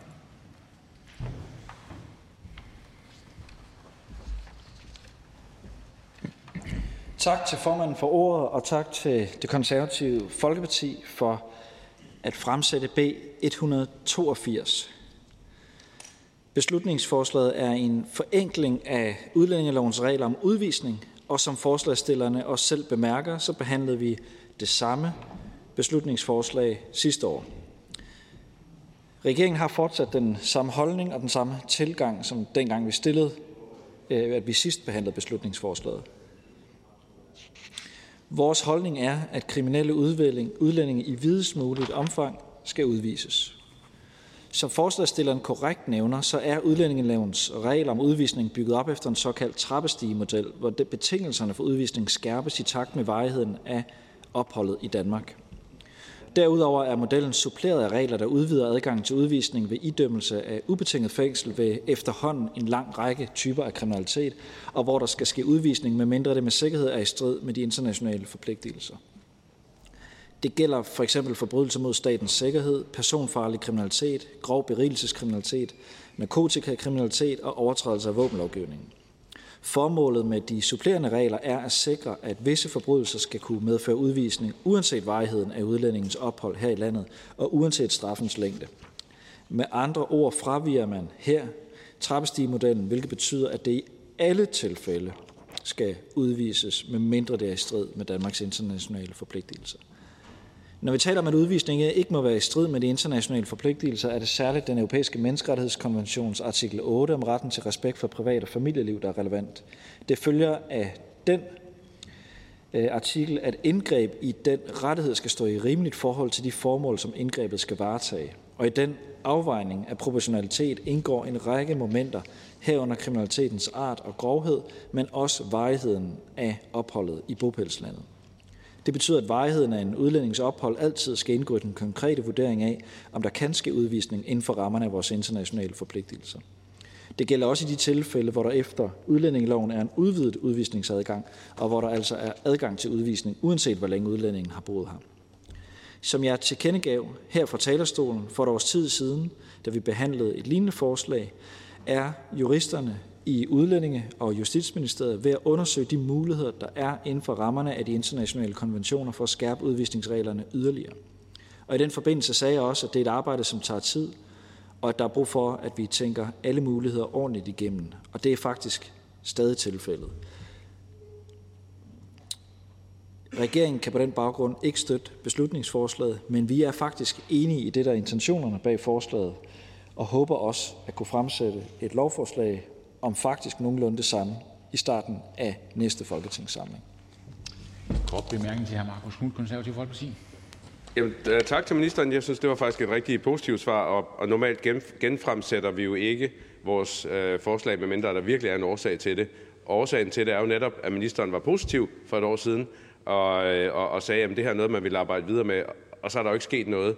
Øh, så, så kan ministeren med sådan forholdsvis stor sikkerhed sige, at i den næste kommende samling, altså efter sommerferien, der kommer et lovforslag, hvor vi kommer så tæt på, som vi overhovedet kan, inden for rammerne af at fjerne den her trappestigemodel, således at man ikke bare, øh, jo længere tid man har været i Danmark, jo mere omfattende kriminalitet kan man begå uden at blive udvist. Minister? Ja, øh, og det ærlige svar nok også, at jeg havde håbet, at vi kunne øh, behandle det her i Folketingssalen det her forår, men det nåede vi simpelthen ikke. Og så åbner Folketinget jo igen første tirsdag i oktober, og der vil regeringen fremlægge sit lovprogram. Øh, og der tør jeg godt med 99 procent sikkerhed sige, at der vil være et lovforslag omkring skærpelse af udvisningsreglerne på det lovprogram. Hr. Knudt. Skønt. Jeg vil egentlig bare sige bedre sent end aldrig, og jeg har selvfølgelig respekt for, at det arbejde, der skal foregå, skal foregås, øh, foregå ordentligt. Øh, så selvom vi heller havde set det i den her samling, så vil jeg sige, at hele formålet med at fremsætte det her, prøve at presse ministeren lidt, det, jeg ved ikke, om det er det, der har ført medført, at nu kommer det så langt om længe i næste samling, men vi er i hvert fald glade for, at det kommer, og tak til ministeren. Minister? Selv tak. Sådan kan det også gøres. Tak for det. Der er fire kort mærke til ministeren, og så går vi videre i ordførerrækken. Så er det hr. Rasmus Stoklund. Socialdemokratiet. Tak.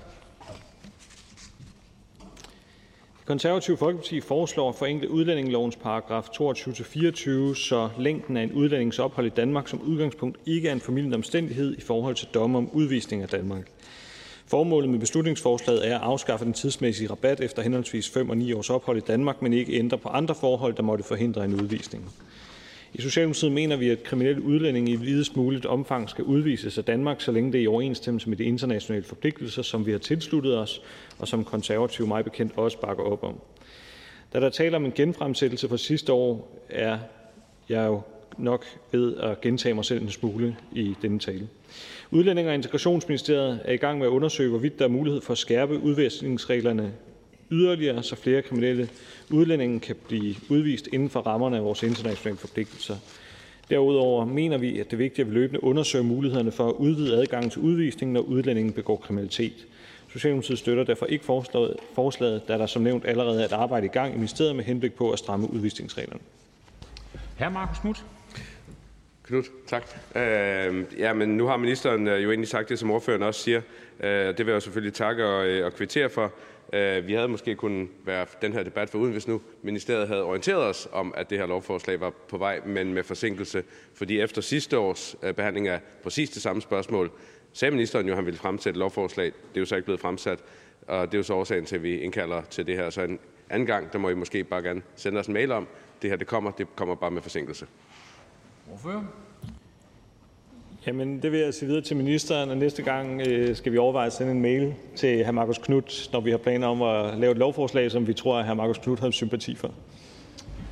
Sådan kan vi jo reducere mange debatter i Folketingssalen. Der er ikke flere korte bemærkninger, og vi går videre. Og nu er det hr. Mads Fuglede.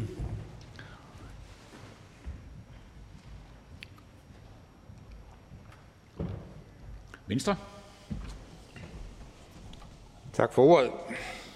I Venstre mener vi fortsat, at længden af en udlændings ophold i Danmark ikke skal være en formidlende omstændighed, når der falder domme om udvisning. Vi ønsker dermed at afskaffe det, der populært kaldes for trappestigemodellen.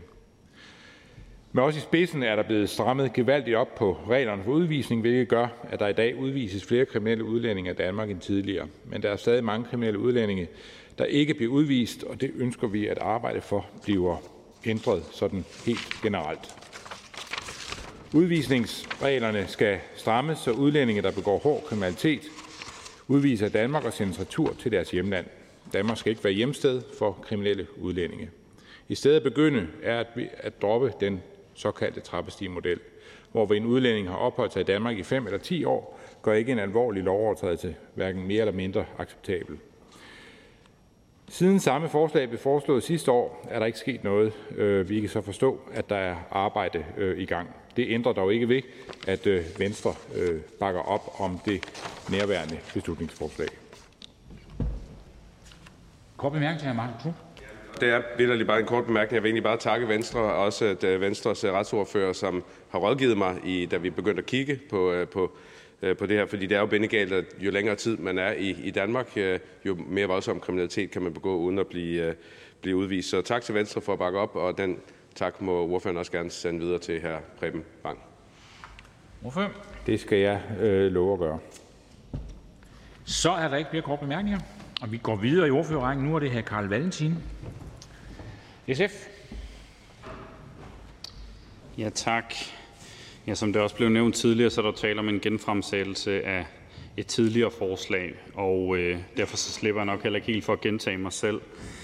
Men øh, SF og jeg er sådan set af den overbevisning, at med så mange mennesker på flugt, som der er verden over, så skal Danmarks solidaritet ikke primært udstikkes til dem, som begår grov kriminalitet. Og derfor så har vi også før været initiativtager til stramninger af loven, og derfor vil vi også være har vi også været positive over for forslag, som har den rette balance i forhold til at udvise flere kriminelle udlændinge, uden at det kommer over i symbolpolitik. I SF der er vi af den grundlæggende holdning, at vi skal gøre, hvad vi kan for at give domstolene mulighed for at udvise kriminelle udlændinge, der begår kriminalitet gentagende gange eller begår meget hård kriminalitet. Og det er afgørende for, at vi kan få løst de problemer, der er med integrationen i Danmark. Øhm, og det, det, er, det er vigtigt, at vi ikke bruger vores ressourcer på dem, dem som har vendt fællesskabet ryggen. Til det mere substantielle i det forslag her, der ligger, øh, så har vi jo tidligere diskuteret det, dengang og således også i dag, så er SF åbne over for den del af forslaget, der handler om de 5 år, hvis og såfremt det kan lade sig gøre inden for Danmarks internationale forpligtelser. Men delen om 9 år handler jo om, at de pågældende ofte har så stærk en tilknytning, at det kan være svært at garantere folks menneskerettigheder.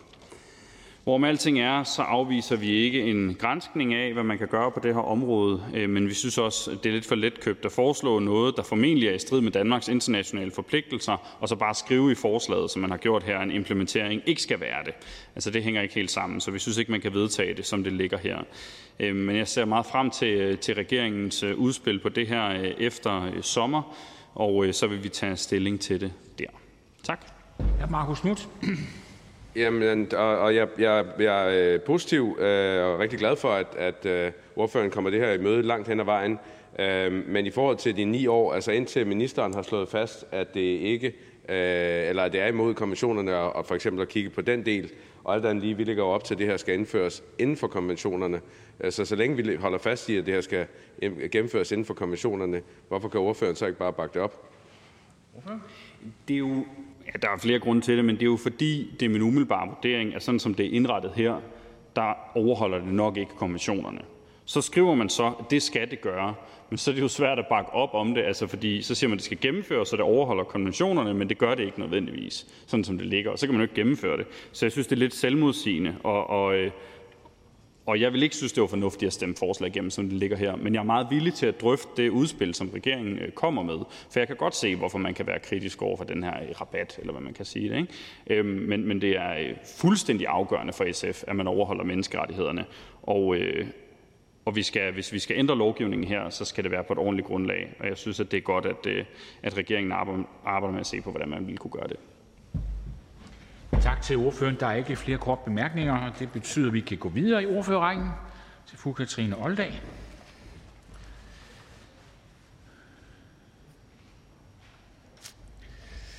Radikale Venstre. Tak, formand.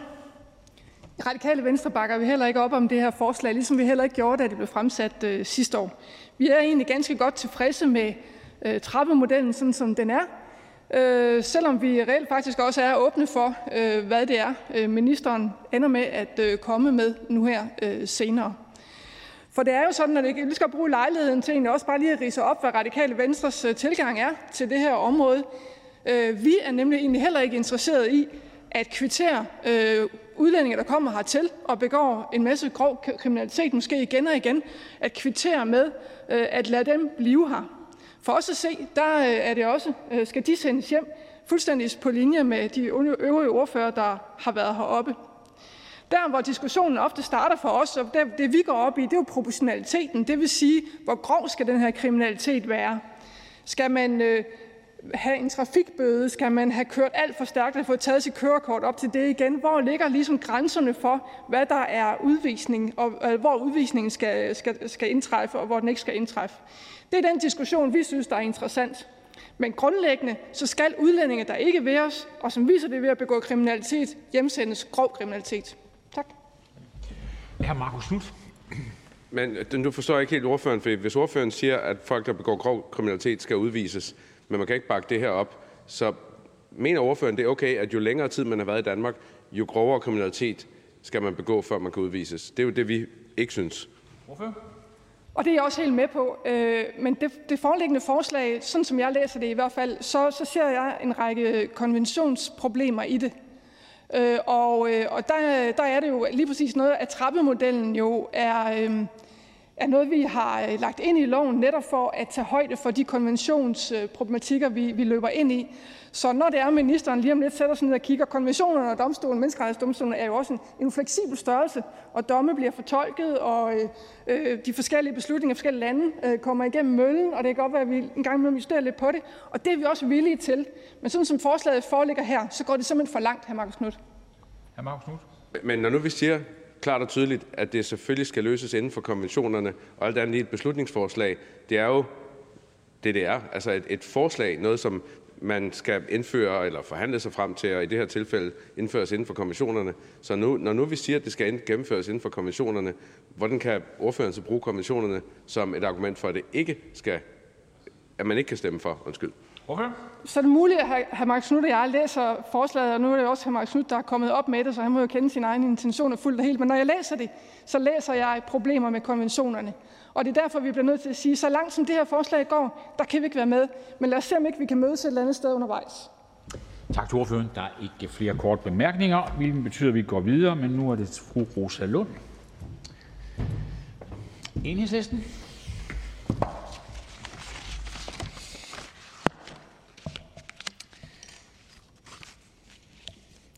Jeg har snart ikke længere tal på, hvor mange gange det konservative, Folketings, det konservative Folkeparti har stillet beslutningsforslag i det her folketingsår, der på den ene eller den anden måde handler om at vise, at man går ind for en meget stram udlændingepolitik. Og det synes jeg jo sådan set er fair nok, fordi beslutningsforslag er jo netop det man, redskab, man kan bruge for at vise, hvor er det, man gerne vil have ændret reglerne henne, og hvad er det for en politik, man står for. Men jeg vil også sige, at vi har forstået det.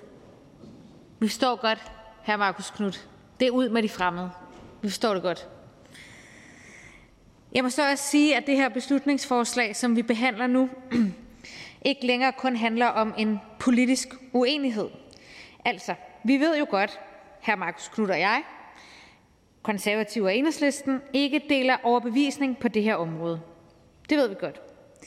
Men jeg synes alligevel godt, at man kunne gøre sig lidt umage og i det mindste bare fremsætte beslutningsforslag, som er inden for rammerne af menneskerettighedskonventionen. Ellers så må man jo fremsætte et beslutningsforslag, som hr. Morten Messerschmidt tit gør, om at Danmark træder helt ud af konventionen. Det ville være lidt mærkeligt, hvis de konservative ikke gik ind for menneskerettigheder længere, men når man læser det her forslag, kan man jo godt blive lidt i tvivl.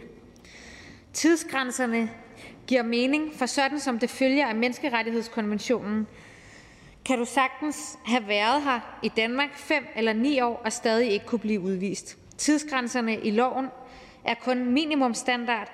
Det er ikke en automatisk proces, hvor man bare kan smide folk ud, og heldigvis for det. At kalde det en forenkling af udvisningsbestemmelserne er måske lige at præsten, når det, man i virkeligheden ønsker, er en markant stramning, hvilket jo er et færre politisk ønske at have, men så skal man kalde det det. Alle de stramninger, der er indført, har jo netop gjort, at vores udlændingelov er en stor rodebunke og mildest talt et magtværk af en lov med stramning på stramning på stramning på stramning. Det er jo et stort kludetæppe, vores udlændingelov, og det tror jeg faktisk, de fleste vil være enige om, uanset hvad man politisk mener om stramningerne.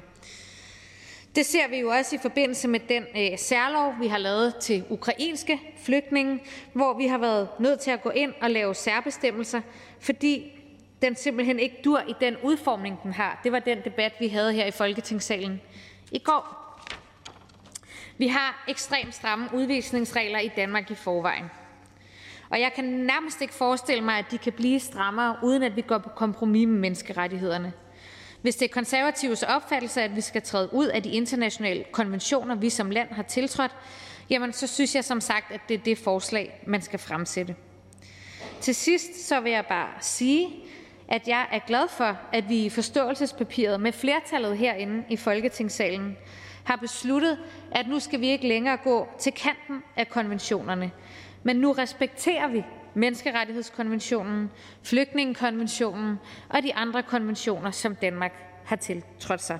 Og derfor kan enhedslisten ikke støtte det her beslutningsforslag, og jeg går sådan set heller ikke ud fra, at hr. Marcus Knudt havde regnet med at hente opbakningen fra vores side. Jeg vil sige, at det eneste, jeg vil give ordføreren ret i, det var det sidste, jeg ikke regnede med enhedslistens opbakning. Men jeg synes helt ærligt, at det er dybt useriøst, at ordføreren for enhedslisten står på Folketingets øh, talerstol og siger, at det her handler om, at det bare er konservative, der vil have ud med de fremmede. Altså, helt seriøst. Det her handler om, at hvis det er sådan, at man begår alvorlig kriminalitet i Danmark, så jo længere tid man har været her, jo sværere er det at udvise folk. Altså, det handler om en, en juridisk trappestige, der gør det rigtig, rigtig svært at udvise folk selv for grov kriminalitet, når de har været her i henholdsvis fem og endnu sværere efter ni år. Så jeg vil altså håbe, at ordføreren vil være lidt mere, ikke mindst med sin juridiske baggrund, lidt mere seriøs i tilgangen øh, fremadrettet. og så kommer ordføreren med en lang diskussion om, øh, eller en gang lang opsang omkring øh, konventionerne. Altså, vi har lige haft ministeren på talerstolen, der, der siger, at han vil fremlægge motiveret af vores beslutningsforslag, identisk sidste år, motiveret af det, vil han fremsætte et lovforslag inden for konventionerne, baseret på det her, til næste folketingssamling. Så hvorfor er det så, at, øh, at ordføreren står og taler om, det vil bryde på konventionerne? Regner ordføreren med, at ministeren med det lovforslag, der kommer, bryder konventionerne? Ordfører, værsgo. Jamen, jeg kan berolige hr. Marcus Knuth med, at vi i enhedslisten tager det her meget alvorligt, ligesom at vi tager Danmarks konventionsmæssige forpligtelser meget alvorligt. Og derfor så synes jeg også, at hr. Marcus Knuth skal tænke over, hvorfor regeringen ikke er kommet med det lovforslag endnu. Det er nok, fordi det er et lovforslag, der er rigtig svært at lave inden for rammerne af konventionerne, fordi at det vil være i strid med konventionen. Det er i hvert fald vores klare opfattelse i Enhedslisten. Og jeg tror godt, at hr. Marcus Knuth ved, at vi i Enhedslisten gerne tager en principiel diskussion, om man skal være en del af konventionerne eller ej. Men jeg synes bare også, at man fra det konservative folkepartis side må tone rent flag og sige, om det her handler om, om man går ind for konventionerne eller ej. For det er jo fair nok, at man ikke gør det. Ja, Marcus Knuth?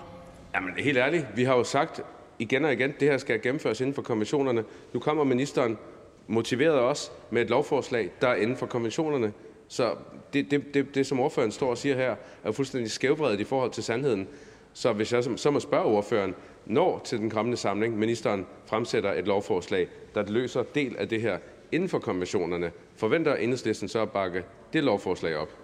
Ordfører? Jeg har meget svært ved at se, hvordan man skal kunne gøre det, som det her beslutningsforslag prøver at gøre inden for rammen af konventionerne. Og derfor så vil mit bud også være, desværre for konservative og hr. Marcus Knudt, vil mit bud være, at der går lidt tid, før det her lovforslag fra regeringen kommer, fordi det skal netop være inden for rammen af konventionerne. Og jeg kan jo ikke stå her og sige, hvad enhedslisten vil stemme til et lovforslag, vi ikke har set endnu. Tak til fru Roslund. Der er ikke flere korte bemærkninger, og det betyder, at vi går videre til fru Pia Kærsgaard. Her. Morten Messerschmidt. Det er helt fint. Tak, formand, og, og tak for fleksibiliteten. Øhm, der er brug for langt mere drastiske midler i udlændingepolitikken end det, som øh, regeringen øh, lægger øh, op til. Og det gælder selvfølgelig især i forhold til udvisningsreglerne. Det er jo efterhånden blevet en etableret kendskærning, at den meget voldsomme indvandring, vi har haft, især fra den muslimske verden, skal bremses. Øh, det har vi flere gange kvitteret for, at Socialdemokratiet har efter flere årtiers rejse fra at mene, det ikke var stuerent, til så i dag at erkende behovet, at, øh, at man er kommet i mål. Men så mangler vi stadigvæk den anden, ikke mindst centrale del, nemlig at få ryddet op i konsekvenserne af de forsømmelser, som man så har været en del af årsagen til igennem de mange øh, årtier, hvor man bare har lavet stå til. Øh, det er sådan hjemme hos os, og det mener jeg både, hvor jeg bor og i mit parti, at der rydder man op efter sig selv. Og sådan må det også gælde, når man som parti har begået på danskernes og Danmarks vegne fatale fejl. Så er det ikke nok bare at sige, at vi har forstået det, vi vil ikke have mere indvandring. Så har man også en bunden opgave i at sikre, at den fatale indvandring, man har lagt stemmer til, samtidig med at man i øvrigt har udskammet folk som Pia Kærsgaard og andre, som ikke stuerene og alt det her, jamen så har man en bunden opgave i at få det løst. Og der er alt for mange, udlændinge i Danmark i dag, som ikke er i hverken hjerte eller handling en del af det Danmark, som de kun på det økonomiske område har taget til sig. Alt for mange, som enten ikke er på arbejdsmarkedet, alt for mange, som er kriminelle, eller alt for mange, som aldrig nogensinde har taget de frihedsidealer og hele det frisind og den tanke, tankevirksomhed, som vi kalder danskheden, til sig, og som derfor lever parallelle tilværelser i en eller anden formummet muslimsk måde at tænke på. Og de folk hører ikke til i Danmark. De er ikke danskere, og derfor skal de selvfølgelig hurtigst muligt hjælpes til et sted, hvor omgivelserne passer mere til deres tilhørsforhold, et sted, hvor de kommer fra. Og alle virkemidler, som øh, inden for grundloven kan nå det mål, det kommer vi i Dansk Folkeparti til at støtte helhjertet. Og derfor er vi glade for det forslag, som det konservative Folkeparti fremlægger i dag.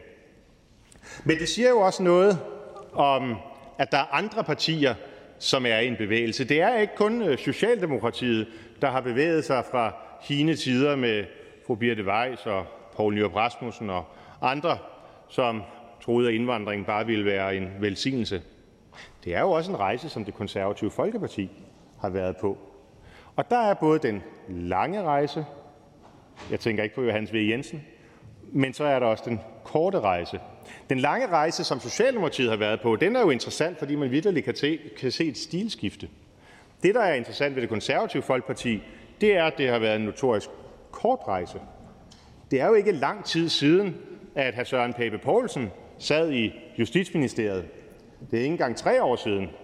Og der var der mange af de ting, som i dag er, forstår jeg, hr. Knuds hjerteblod på udlændingområdet, fuldstændig utænkeligt. Og derfor er det ikke interessant bare at se på de forslag, som det konservative Folkeparti her i øh, sommeren 2022 fremsætter. Det er også interessant at se den her rejse, man har været på, og hvor fører den hen? Det er jo nok så interessant, hvis man bevæger sig ud over cirklens kvadratur, om man så også ender med at stoppe på halvvejen, altså at mene det modsatte af det, man mente for tre år siden, eller om man bare fortsætter, og så ender der, hvor man var for tre år siden. At det vil virkelig være en skam. Jeg vil våge den påstand, at man kan tale om, at vi i Danmark har to konservative folkepartier. Det, der var, da hr. Søren Pape Poulsen var justitsminister, hvor meget af det, man foreslår, foreslår i dag, overhovedet ikke kunne lade sig gøre, og så det, man har nu, hvor hr. Søren Pape Poulsen er øh, i opposition. Jeg, jeg kan meget bedre lide, må jeg ærligt indrømme, den her øh, Søren Pape Poulsen, der er i opposition. Men målet er selvfølgelig, at det, man mener i opposition, også omsættes til politik ved, at man på et tidspunkt kan få magten og komme i regering og få et flertal. Og derfor, lige så begejstrede og entusiastiske vi er, når det konservative Folkeparti, som vi kender det i dag, fremsætter stramningsforslag på udlændingområdet, lige så optagende er vi naturligvis af at få en garanti for, at man så også rent faktisk mener det, når man forhåbentlig snart får mulighed for at omsætte det til virkelighed. At man netop stopper sin rejse, når man er kommet væk fra det, man mente engang, og står der, hvor vi i Dansk Folkeparti har stået støtter fast, siden vi blev stiftet, og ikke bare fortsætter og så ender med at mene det, man mente engang, hvis man skulle komme i regering igen. Det er også lidt vigtigt, hr. Knudt. Tak. Der er en kort bemærkning. Hr. Marcus Knudt. Jamen, tak for det rigtig fine indlæg til hr. Morten Messerschmidt. Øh, jeg tror, det var, øh, jeg tror, det var H.C. Andersen, der sagde, at rejse er at leve. Og alle partier er jo kontinuerligt ude på en, en rejse. Jeg kan i hvert fald forsikre hr. Morten Messerschmidt om, det har ikke det danske, det, undskyld, det konservative Folkeparti er ikke ude i sådan en cirkulær økonomiøvelse, hvor vi så øh, ender tilbage, hvor vi startede.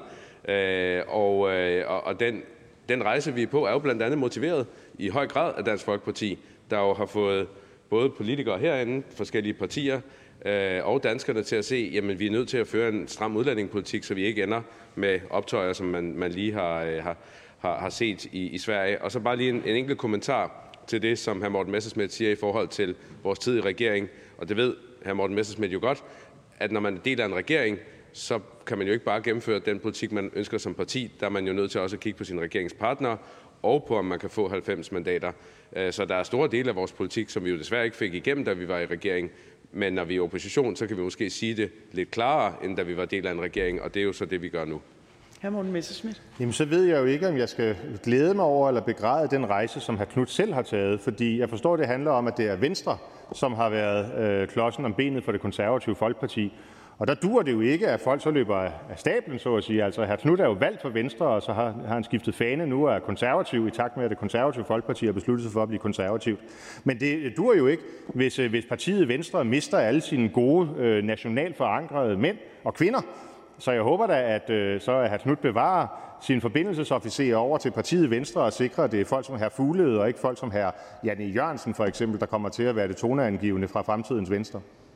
Hr. Magnus Knudt. Jamen, jeg anser nu mig selv som forbindelsesofficer til alle fornuftige partier, øh, og der håber jeg, at vi kan samarbejde om at få alle, især blå partier, i den samme rigtige retning. Ordføren. Det vil jeg meget gerne gøre hr. Knud Fællig med. Tak for det. Der er ikke flere korte bemærkninger. Tak til hr. Morten Messerschmidt. Og så er det ordføreren fra Nye Borgerlige.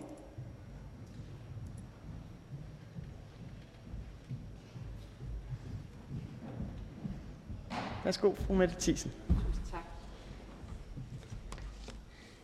I Nye Borgerlige der mener vi jo, at øh, kriminelle udlændinge de skal udvises konsekvent og efter første dom. Vi mener sådan set også, at hvis man har fået tildelt dansk statsborgerskab, og man begår kriminalitet, jamen så skal det, øh, og får, man får en frihedsstraf, jamen så skal det tildelte danske statsborgerskab fratages, og man skal udvises. Fordi det er fuldstændig rigtigt, som der er sagt på talerstolen øh, før, at der er ført en fuldstændig forfejlet udlændingepolitik, som har haft nogle meget, meget voldsomme konsekvenser for Danmark. Og, øh, og det er jo derfor, at Nye Borgerlige øh, både blev stiftet, men også, at vi igen og igen siger, at vi er nødt til at få løst udlændingepolitikken fra bunden. Så øh, det være ordene herfra. Selvfølgelig støtter vi det her forslag. Tak. Der er ikke nogen korte bemærkninger. Tak til fru Mette Thiesen. Og så kan jeg ikke se flere ordfører i salen, men bortset fra ordføreren for forslagsstillerne. Værsgo, hr. Markus Knudt fra det konservative Folkeparti.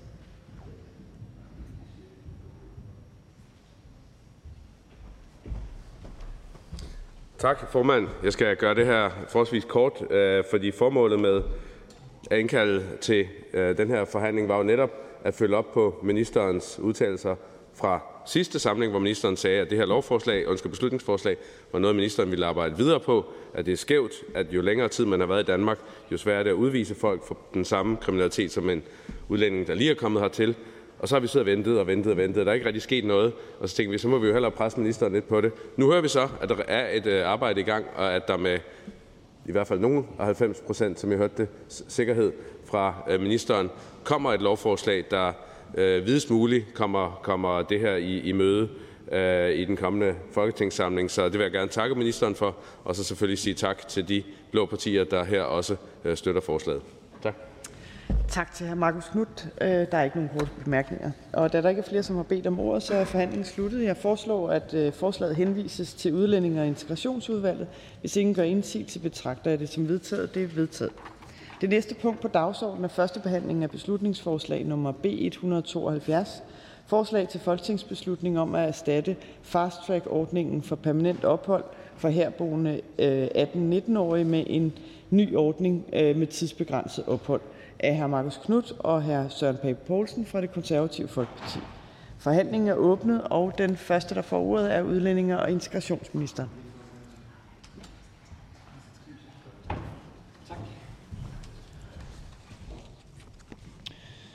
Tak til formanden for ordet, og tak til Det Konservative Folkeparti for at stille B 172. Et forslag om, at regeringen inden nytår fremsætter et lovforslag, der afskaffer adgangen til permanent opholdstilladelse for unge under 19 år, som har været i fuldtidsbeskæftigelse eller under uddannelse siden folkeskolen, og opfylder de grundlæggende betingelser, der er stillet i lovgivningen. Det foreslås, at de unge i stedet for en femårig opholdstilladelse, der kan forlænges, så de unge kan arbejde eller studere. De unge skal sideløbende leve op til de almindelige regler for permanent opholdstilladelse, og opholdstilladelsen skal betinges af, at de unge ikke begår eller har begået kriminalitet og ikke får kontanthjælp i over tre måneder inden for de sidste fem år.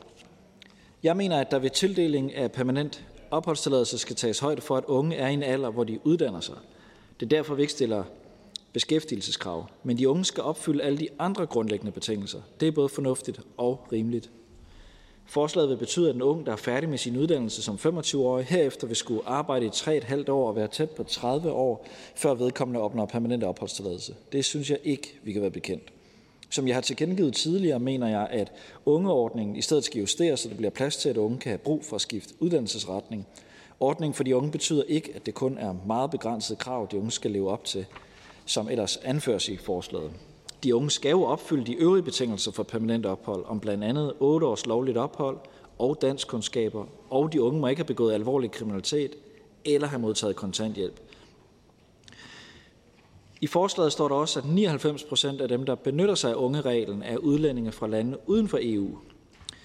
Men de tal, som forslagsstillerne henviser til, vedrører jo netop kun udlændinge, som får permanent opholdstilladelse efter udlændingeloven. EU-borgere anvender og opnår stort set kun permanent ophold efter EU-reglerne. Og det er heller ikke overraskende, at det særligt er unge fra blandt andet de lande, som forslagsstillerne nævner, for eksempel Tyrkiet, Irak, Somalia, det tidligere Jugoslavien og Afghanistan. Der er en årsag til, at det primært er dem, der benytter ordningen, da der er forholdsvis mange udlændinge fra netop de lande i Danmark. Og hvis de unge får permanent ophold efter ungereglen, er det fordi, de opfylder betingelserne vedrørende dansk kriminalitet og selvforsørgelse, og fordi de har været aktive siden folkeskolen. Det er et udtryk for, at de er integreret og en del af det danske samfund. Forslagsstilleren fremhæver blandt andet, at mange af dem, som benytter ungereglen, senere begår kriminalitet eller ender på offentlig forsørgelse. Jeg erkender, at vi har integrationsproblemer i Danmark, men i forhold til unge, som benytter sig af ungereglen, mener jeg faktisk, at billedet er lidt mere nuanceret. De tal, som forslagsstilleren henviser til, omfatter ikke kun udlændinge, som har benyttet sig af ungereglen, men alle mellem 18 og 21 år, som har opnået permanent ophold. Og det er sådan, at 89 procent af alle udlændinge mellem 18 og 21, der har fået permanent ophold i årene 10 til 17, i hvert fald i de efterfølgende tre år, ikke har fået ydelser efter lov om aktiv socialpolitik. Af dem, der så har fået ydelser, er der nogen, der har fået ydelser mere midlertidigt, for eksempel i samlagt en eller få måneder. Det er korrekt, som forslagsstillerne nævner, at 19 procent af de udlændinge, som fik permanent ophold i perioden 10-15, efterfølgende er blevet dømt for kriminalitet. Det er også for mange, men betingelserne for at opnå permanent ophold siden dengang er blevet skærpet markant i både 16 og 17. Og det gælder også betingelserne om karenstider og vandelskrav. Så udlændinge, der i dag og i tiden efter skærpelserne ønsker permanent opholdstilladelse, mødes altså med nogle markant skærpede krav, der afspejler deres integrationsvilje og evne. Og det skal selvfølgelig have konsekvenser for dem, som ikke kan finde ud af det, og det får det jo også. Udover den strafretlige konsekvens, tager domstolen ved alvorlig kriminalitet også stilling til spørgsmålet om udvisning. Jeg synes ikke, at vi skal begrænse muligheden for at få permanent opholdstilladelse for de unge. For de unge, som bidrager positivt til samfundet. Heller ikke for unge, der er aktive efter folkeskolen. Reglen bør bevares med den justering, jeg allerede har bebudet, at regeringen vil fremsætte lovforslag om, at der skal tøjes højt for, at de unge kan have gode grunde til at ønske at skifte uddannelsesretning. Og vi kan derfor ikke støtte beslutningsforslaget. Tak for. Tak til ministeren. Der er en kort bemærkning. Hr. Marcus Knudt. Altså, vi vil jo mene, at de her regler er, er helt skæve. Hvis det er sådan, man søger om permanent ophold som 18-årig, jamen så skal man ikke leve op til noget øh, krav om beskæftigelse eller videre uddannelse, og man kan sågar have begået omfattende kriminalitet. Og tallene her taler jo deres klare sprog. Altså 19 procent af dem, de unge, der bruger den her ordning, 19 procent, de begår kriminalitet efter tildeling af permanent ophold. Vel at mærke, hvis du kommer fra Iran, Irak eller Somalia, så er det næsten 30 procent, der begår kriminalitet. Så hvorfor ikke gøre det, som vi foreslår her? Afskaffe ordningen, og så lave en anden ordning, der er kortere veje, og som er betinget af, at man ikke begår kriminalitet. Minister. Øh, jeg skal lige starte med at sige, at man kan, man kan ikke få permanent ophold efter den her ordning, hvis man har begået alvorlig kriminalitet. Det er rigtigt, at der er nogen efter de har fået permanent ophold, der overtræder straffeloven og idømmes en straf bagefter. Øh, men jeg synes, det generelle billede af den her gruppe er jo, at de fleste øh, er jo rimelig velintegrerede, og det er jo mennesker, der ofte er kommet hertil i en meget ung alder, og som så vokser op i nogle familier, hvor forældrene ikke har fået statsborgerskab.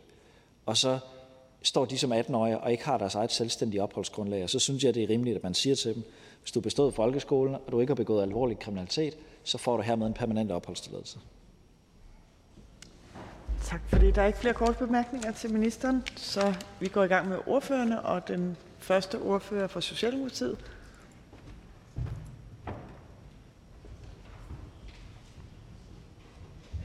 Rasmus Stoklund, værsgo. Tak. Det konservative Folkeparti foreslår at afskaffe den nuværende fast-track-ordning til permanent ophold for herboende 18-19-årige, der har opholdt sig i Danmark i minimum 8 år. Derudover foreslås det at oprette en ny ordning, hvor de 18-19-årige i stedet gives en midlertidig opholdstilladelse af 5 års varighed med mulighed for forlængelse, hvor de får mulighed for at arbejde eller studere i Danmark. Sideløbende har de så mulighed for at opnå permanent ophold efter de normale regler, der gør sig gældende for andre udlændinge.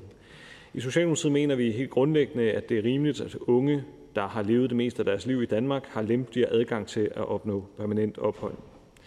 De befinder sig i en periode af deres liv, som typisk har været præget af uddannelse. Derfor kan vi ikke bakke op om konservativs beslutningsforslag. Faktisk foreslår vi at ændre reglerne, så det bliver mere fleksibelt for unge at skifte uddannelse, uden at de skal opleve at komme i klemme i reglerne og dermed få afslag på permanent ophold på baggrund af et skoleskift. Socialdemokratiet støtter ikke forslaget. Der er en kort bemærkning. Hr. Marcus Knudt.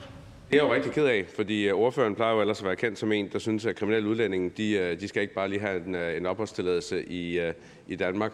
Og hvis det er synspunktet, hvorfor så bare tildele en 18-årig et permanent ophold, uden de krav, som gælder for alle andre?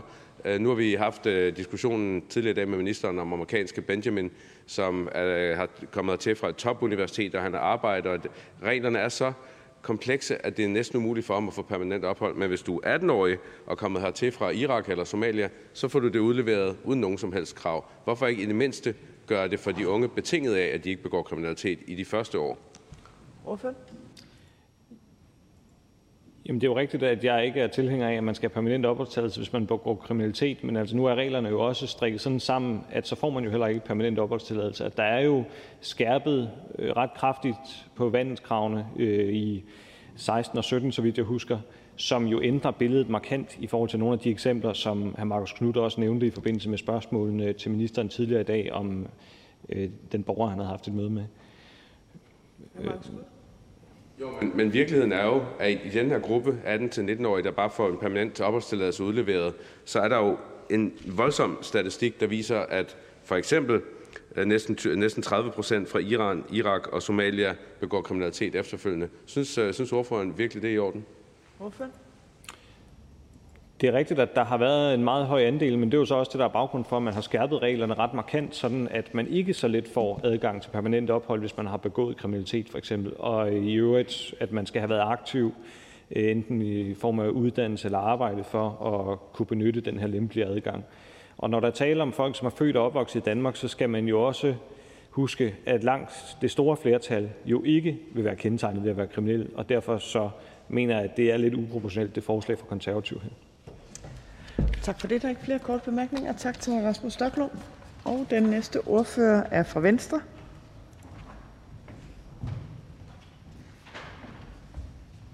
Værsgo, hr. Mads Fugle. Tak for ordet. I Venstre mener vi grundlæggende, at vi skal stille strenge krav til de udlændinge, der er i Danmark, især når det drejer sig om at opnå permanent opholdstilladelse og efterfølgende statsborgerskab. Derfor var vi med til at øh, stramme kravene for dansk statsborgerskab, da vi indgik indkøbsretsaftalen sidste år. Det er også derfor, at vi som regeringsparti strammede reglerne, som det lige blev nævnt af hr. Stoklund, tilbage i 16 og efterfølgende igen i 17. I dag er kravene til udlændinge, der ønsker at være i Danmark, stramme og konsekvente.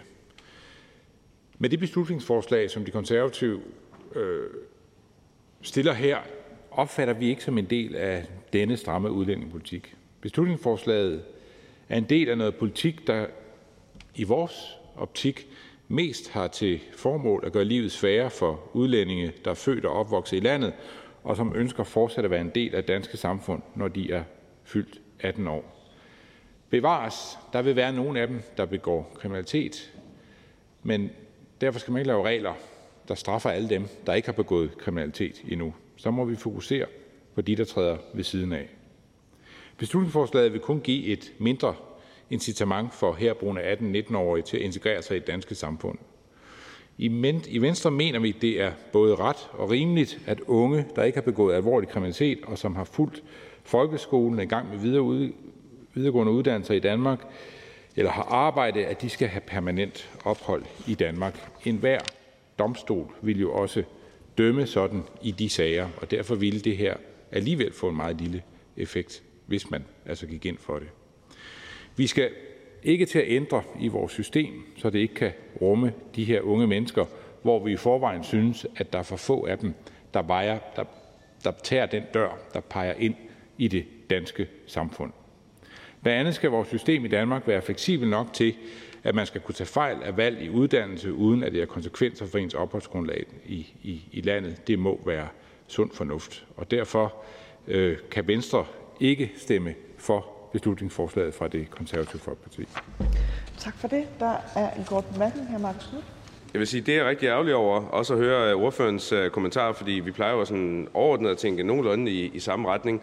Og ordføren får det jo til at lyde som om, at uh, at vi slet ikke vil tildele en øh, opholdstilladelse til øh, unge 18-årige. Vi prøver jo rent faktisk at lande det et fornuftigt sted, hvor vi siger, hvis, man er sådan, hvis det er sådan, man er kommet til Danmark som ung, og, og, og fylder 18, jamen så kan man for eksempel, for eksempel få en femårig opholdstilladelse. Og hvis man i de fem år ikke begår kriminalitet og ikke lægger systemet til last, jamen så lever man jo op til reglerne for permanent ophold. Men hvis det er sådan, man begår omfattende kriminalitet, det kan vi jo se, næsten en tredjedel af dem fra Iran, Irak og Somalia gør, jamen så får man ikke permanent ophold. Hvorfor er det, at ordføreren synes, det er et skridt væk fra den stramme udlændingepolitik? Hvorfor? Altså, vi synes, det er et kæmpe problem, at der er unge, som ikke er etnisk danske, der begår alt for meget kriminalitet. Men der er også mange, der vælger at overholde de regler, der er her. Og dem vil vi ikke straffe på forhånd ved at vedtage sådan noget som det her. Og vi tror ikke, at den andel af unge, der begår kriminalitet, bliver mindre af, at man gør deres vej ind i det danske samfund, som enhver domstol alligevel vil tildele dem, kortere ved, at man vedtager sådan noget som det her. Jeg tror simpelthen ikke, det er klog integrationspolitik. Men det er jo netop derfor, vi siger, man får så en for eksempel femårig, eller det kan også være seks eller syvårig opholdstilladelse, og hvis det er sådan, man tilhører den gruppe, der ikke begår kriminalitet, jamen så vil man jo automatisk bare køre videre i systemet for permanent ophold, og kort efter også kunne søge dansk statsborgerskab. Så der er jo ikke nogen, der bliver straffet her.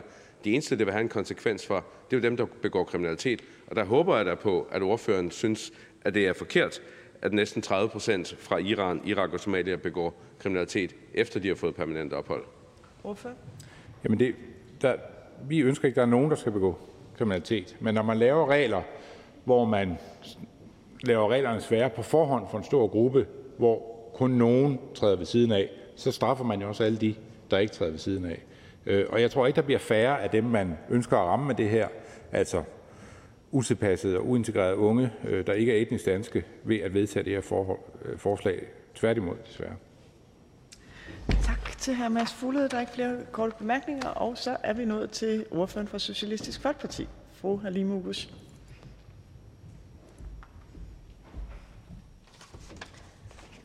Tak, formand. Øh, vores øh, ordfører øh, på det her øh, beslutningsforslag kunne desværre ikke være her i dag, så jeg har lovet at læse hans tale op. I SF mener vi, det er grundlæggende rimeligt, at unge mennesker, der har brugt størstedelen af deres liv i Danmark, får mulighed for permanent ophold. Det skal selvfølgelig modsvares af krav om integration. Og det er også tilfældet med den nuværende ordning. Dansk 2 skal bestås, man må ikke have gæld, begået kriminalitet, modtage offentlig hjælp, og man skal have været i uafbrudt uddannelse. Det er ikke små krav, men klare krav til den unges integration. Jeg har svært ved at se i forslaget, at det begrundes, at disse krav er utilstrækkelige. Det vil være uretfærdigt at gøre ordningen tidsbegrænset, fordi vi taler om unge mennesker, der er kommet til Danmark som børn, og som har brugt langt størstedelen af deres opvækst i Danmark. Hvis ordningen bliver tidsbegrænset, så skaber vi et udgangspunkt, hvor de her unge mennesker, der har gået i danske folkeskoler, har danske venner, og som måske allerede har været en del af arbejdsmarkedet, og som føler sig danske, ikke har fortjent at komme hurtigt gennem systemet. Det er ikke rimeligt. En tidsbegrænset ordning vil efterlade de her mennesker i en eller anden form for identitetsvakuum, hvor de føler sig anderledes, fordi deres mange år i Danmark ikke vil have nogen betydning for deres adgang til permanent ophold. Sådan mener jeg ikke, vi skal møde unge mennesker, der har boet her det meste af deres liv. Når det er sagt, så er det klart, at der er integrationsproblemer derude, som vi stadig skal løse. Vi skal ikke lukke øjnene for, at der stadig er masser af arbejde at gøre, Omvendt forslagsstillerne tror jeg der på, at vi netop kan vinde meget i forhold til at styrke integration gennem en mere inkluderende og medborgerorienteret tankegang. At vi tager fat i de unge mennesker og fortæller dem, at de skal opføre sig ordentligt, at de skal lade sig integrere, men at vi også står med åbne arme og en smidig ordning til permanent ophold, hvis de gør det. Af de nævnte grunde kan jeg meddele, at SF ikke støtter op om forslaget. Tak for ordet. Tak for det. Der er en kort bemærkning her, Markus Knudt. Det er jeg jo selvfølgelig rigtig ærgerlig over, men Virkeligheden står tilbage, at, som jeg har nævnt flere gange, næsten 30 procent af dem, der får permanent ophold på den her lempelige ordning fra Irak, Iran og Somalia, begår kriminalitet efterfølgende. Hvad, hvad, hvis ordføreren ikke vil bakke op om det, vi foreslår her, at de kommer på en midlertidig ordning, hvis de ikke begår kriminalitet, kan de så få permanent ophold. Hvis ordføreren ikke bakker op om det, hvad vil ordføreren så gøre for at løse det reelle problem at der er rigtig mange unge, især fra de her lande, der bruger det permanente ophold til efterfølgende at begå kriminalitet, øh, og, og, og så vende det Danmark ryggen, som lige har, har givet dem en permanent opholdstilladelse? Ordføreren? Det er 30 procent øh, af de unge, som begår kriminalitet ifølge øh, ordføreren. Og det er altså ikke flertallet. Flertallet opfører sig jo ordentligt. Flertallet deltager jo i det øh, danske samfund på lige vilkår med alle andre. Så det, at et mindretal begår øh, disse, øh, den kriminalitet, burde jo ikke gå ud over dem, der opfører sig pænt. Altså, og reglerne er jo øh, sådan efterhånden, at de er så skærpet, og de er så stramme, det er umuligt nærmest at få opholdstilladelse. Øh, plus hvis man skulle begå en alvorlig kriminalitet øh, som, som en udlænding, jamen så er der altså også, øh, så er der også forbundet ret markante og store konsekvenser forbundet med det. Hr. Marcus Knudt. Mit spørgsmål gik præcis på, hvad vil ordføreren så gøre ved alle dem, der begår kriminalitet? Og det er jo det, vi forsøger at løse her ved at sige, at alle får så en midlertidig opholdstilladelse, for eksempel øh, på, på fem år. Dem, der begår kriminalitet, de ryger så, øh, mister den så, men dem, der ikke begår kriminalitet, de får så, bliver så belønnet med det permanente ophold. Hvad vil ordføreren gøre ved den meget store gruppe af især folk fra Iran, Irak og Somalia, der begår kriminalitet? Hvad, altså, hvad, hvad, hvad er så ordførerens løsning? Jamen, min løsning er, at øh, vi skal øh, insistere på, på forebyggende tiltag. Altså, vi skal have styrket vores folkeskoler, og vi skal have kigget på vores øh, boligområde, hvilket vi allerede gør. Altså, med, øh, med parallelsamfundspakken, der har vi jo både, øh, øh, hvad hedder det, så har vi både øh, fået flere i arbejde, og øh, listerne er blevet halveret, flere unge tager sig en uddannelse. Så det er alle de her, disse sociale tiltag, der har gjort, at, øh, at, øh, vi, har, øh, at vi, vi har den fremgang, som vi har lige nu, øh, i modsætning til mange andre lande. Tak. Der er ikke flere korte bemærkninger. Tak til fru Halime Oguz. Og så er det ordføreren fra det radikale venstre.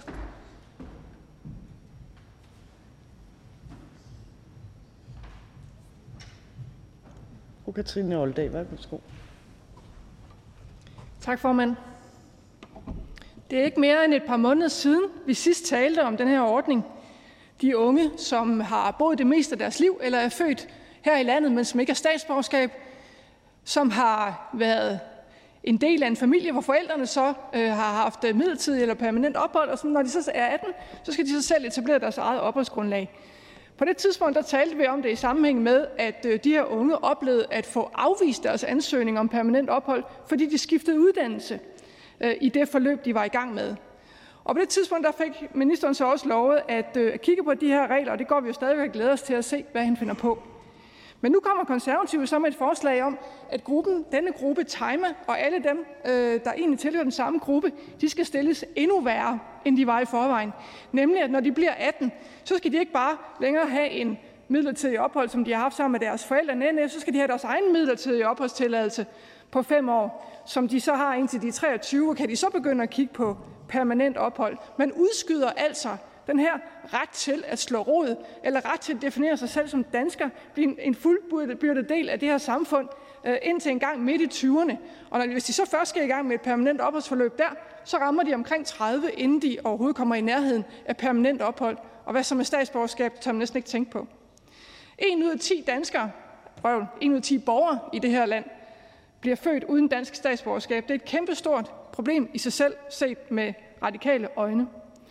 Og øh, vi kommer til at straffe en meget, meget stor gruppe af lovlydige unge, der bare gerne vil i gang med at være en fuldbyrdet og fuldgyldig del af det her samfund ved at indføre en regel, som konservative fremsætter i dag. Jeg er faktisk lidt chokeret, at vi på bagkant af hele diskussionen om timer kan ende med at stå og diskutere sådan et forslag som det her i dag. Det, øh, jeg er meget, meget glad for, at selv Venstre synes, at det er lige lovligt grove løjer. Så med de øh, ord så øh, kan jeg så meddele, som det tydeligt fremgår, at radikale ikke støtter det her forslag. Tak. Der er en kort bemærkning. Hr. Marcus Knudt. Jamen, så vil jeg stille det samme spørgsmål, som jeg har stillet før.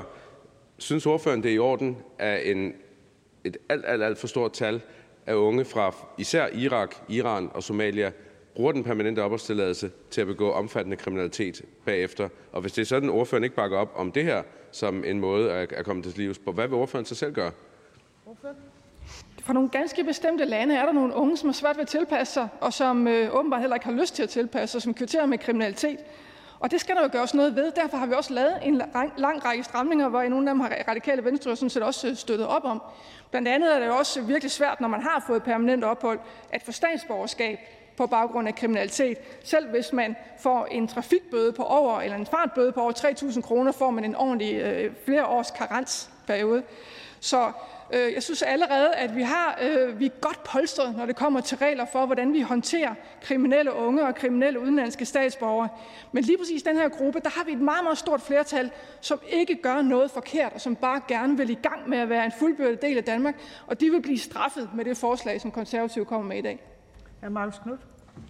Jamen, det er, jo, det er jo faktuelt forkert. Det her forslag ligger op til, at så får man efter præcis samme regler som i dag en for eksempel femårig opholdstilladelse. Hvordan er det at, at straffe nogen? Altså med det her forslag, medmindre man begår kriminalitet, er der jo ikke et menneske, der i så fald vil skulle forlade landet. Det er ene og alene dem, som begår kriminalitet, som så vil blive berørt af det, fordi så kan de ikke få permanent opholdstilladelse bagefter. Jeg tror simpelthen, jeg øh, ikke forstår spørgsmålet, fordi faktuelt der går det her forslag ud på at lave en femårig midlertidig opholdstilladelse. Ikke sandt? Og det, der er forskel på en femårig midlertidig opholdstilladelse og så en permanent opholdstilladelse, det er to vidt forskellige ting. Så derfor så er, der, så er det her en kæmpe forringelse af den øh, ansøgning, den øh, ordning, som vi har nu.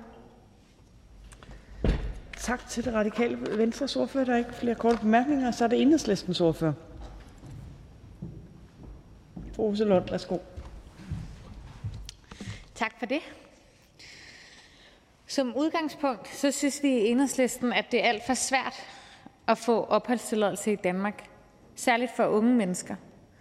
Og det handler jo i rigtig høj grad om, at uddannelse ikke tæller med, når man søger om permanent ophold. Det mener vi i enhedslisten, det skal. Øh, og det vil jeg faktisk vil sige vil være et, et langt bedre udgangspunkt for diskussionen om permanent ophold, hvis det var der, vi startede. Men nu har konservativ så stillet det her beslutningsforslag, som handler om at erstatte fast-track-ordningen for permanent ophold for herboende 18-19-årige med en ny ordning. Og der må jeg bare sige, i lighed med den radikale ordfører, at det kan vi i enhedslisten ikke støtte. Den diskussion, vi til gengæld rigtig gerne vil gå ind i, det er, hvordan vi mindsker kriminaliteten i vores samfund. Det tror jeg faktisk, at alle herinde er optaget af, hvordan vi gør. Og jeg vil jo sige, at når jeg står på den her talerstol som udlændingeordfører, så er jeg jo også belastet af at være retsordfører. Og derfor så er spørgsmål om kriminalitet og kriminalitetsforbyggelse noget, jeg diskuterer rigtig meget. Og der må jeg sige, at hvis man ønsker at gøre op med kriminaliteten i samfundet, som jeg sådan set tror, vi alle sammen gerne vil, så er der en masse redskaber, som vi ved virker. Der kan laves både forebyggende indsatser, der kan satses på integrationen, vi kan bekæmpe fattigdom, vi kan styrke uddannelse. Der er rigtig mange ting, vi kan gøre, som øh, fru Halime Oguz også var inde på fra SF i sin ordførertale. Og det synes jeg faktisk også ville være en mere, hmm, hvad kan man sige, færre diskussion, hvis vi dis- diskuterede, hvordan vi stopper kriminaliteten med det udgangspunkt, at vi gerne vil stoppe kriminalitet, i stedet for med det udgangspunkt, hvordan man får ophold i Danmark. For så tror jeg faktisk, at vi kunne løse de kriminalitetsproblemer, der trods alt findes i Danmark, hvis vi diskuterede dem som det, de er, nemlig kriminalitetsproblemer. Enhedslisten kan ikke støtte det her forslag, som kommer fra konservative, fordi vi mener, at de stramme regler, vi i forvejen allerede har, er et system, som umuliggør, at mennesker, som er født og opvokset her, nogensinde kan blive danske statsborgere. Det bliver i hvert fald yderligere reduceret med det her forslag. Og, og jeg vil også sige i forlængelse af det, at jeg på en måde godt kan forstå, hvis hr. Markus Knudt og det konservative Folkeparti er tilfredse for tiden, fordi det er jo særligt på baggrund af regler, som Det Konservative Folkeparti har fået trumfet igennem på statsborgerskabsområdet, at det faktisk er praktisk talt umuligt for mennesker, der er født og opvokset i det her land, at blive danske statsborgere. Det er vi kede af i Enhedslisten, men jeg kender jo debatten og ved, at hr. Markus Knudt og Det Konservative Folkeparti har en anden holdning. Men Enhedslisten kan ikke støtte det her forslag, fordi vi mener, at det skal være nemmere at få permanent ophold, og det skal blive nemmere at blive dansk statsborger, end det er i dag. Og det bliver det ikke med det her forslag, og derfor støtter vi det ikke. Tak. Der er en kort bemærkning, hr. Marcus Knuth. Jeg havde egentlig ikke tænkt mig at, at kommentere yderligere, men, men når ordføreren i ramme alvor står og siger, at det skal være endnu nemmere. Altså jeg er svært ved at se, hvordan det kan blive nemmere, end det er i dag. Når det er sådan, man fylder 18, der er jo ikke noget krav til beskæftigelse. Man kan have begået ret omfattende kriminalitet, for du, man kan få et utal af bøder for, for narko osv. osv. Jeg er svært ved at se, hvordan det skulle kunne blive nemmere, end det allerede er i dag. En ting er i hvert fald sikkert, hr. Markus Knudt, det bliver sværere med det her forslag, og derfor støtter Enhedslisten det ikke. Det kunne jo blive nemmere i den forstand, at man automatisk fik statsborgerskab, hvis det var sådan, at man var født og opvokset her i landet. Det mener vi, at det sådan skal det være i. Det mener vi i Enhedslisten, at alle, der er født opvokset i Danmark, eller har haft det, man populært set kalder sine formative år her i Danmark, så skal man automatisk blive dansk statsborger. Hr. Marcus. Jamen, nu, nu var det faktisk ikke det, jeg spurgte ind til. Ordføreren stod på talerstolen og sagde, at det skal være nemmere at få permanent ophold, når man er ung. Altså, hvad, hvordan kan man gøre det nemmere, end det allerede er i dag? Der er jo ikke nogen krav. Man, man skal bare have været her i en vis årrække, fylde 18 år, øh, have, have gået i skole, og så får man det permanente ophold. Jeg, er svært ved at se, hvordan det kan blive nemmere. Og et supplerende spørgsmål til ordføreren. Mener ordføreren vildt ikke, at man skal stille nogen som helst krav til udlændinge, unge udlændinge, der er her? Fordi vi kan jo se, at mange af dem begår kriminalitet efterfølgende. Der er jo krav, her Markus Knudt, når der er tale om, at man skal have været her en vis årrække. Det er jo også et krav. Synes vi i hvert fald i enhedslisten. Så kan man diskutere, om det er stort eller småt, men det er jo et krav. For det første. For det andet, jo, jeg synes at vi skal være langt bedre til at stille krav til hinanden. Altså, jeg synes da, at en meget stor vigtig del af, at integrationsprocessen den lykkedes, det er, at den enkelte gerne vil integreres, men også, at vi som samfund ikke lægger alle de her snubletråde ud, vi har lagt ud for integrationen, som jo er blevet særligt tydelige, efter at vi nu har måttet afvige dem for at kunne behandle ukrainske flygtninge ordentligt. Så det går jo begge veje, integration. Der, man skal stille krav begge veje, synes jeg. Tak til enhedslistens ordfører. Der er ikke flere korte bemærkninger. Så den næste ordfører fra Dansk Folkeparti.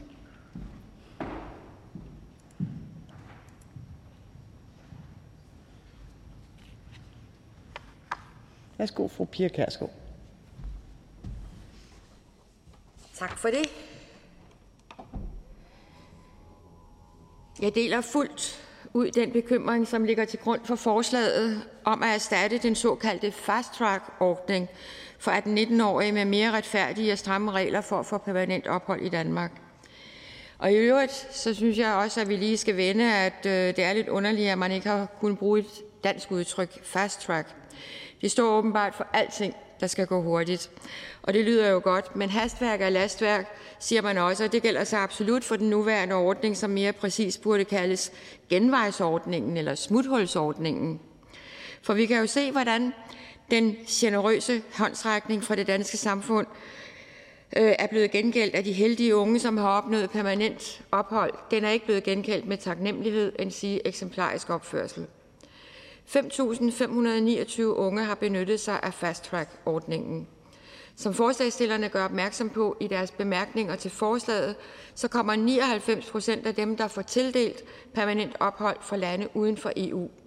Af dem begår 19 procent kriminalitet, efter at de har opnået permanent ophold. I toppen af den nedslående statistik finder vi palæstinenser, iranere, irakere og somaliere. 12 procent vælger at leve på sociale ydelser. Det gælder især unge fra Tyrkiet, Iran og Afghanistan. Jeg er nysgerrig efter at høre gode argumenter for, om det her er tale om et sundt bidrag til dansk kultur eller økonomi.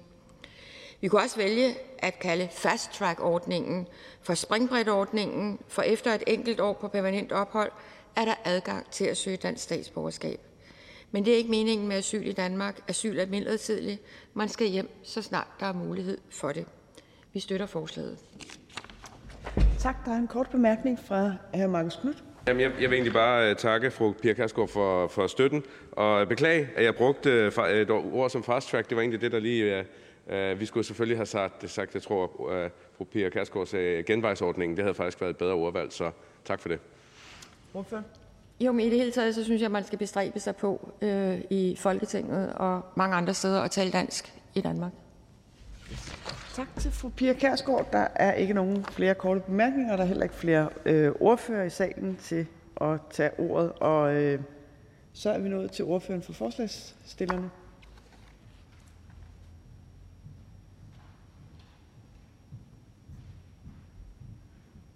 Værsgo, hr. Marcus Knudt fra det konservative Folkeparti. Tak. Og mens jeg husker det, øh, skal jeg hilse fra øh, Nye Borgerlige og sige, at de støtter øh, forslaget, ligesom Dansk Folkeparti gør, og konservative selvfølgelig. Og så vil jeg sige, at jeg har været lidt ærgerlig over, over debatten her, fordi jeg havde egentlig forventet mere fra mange af partierne.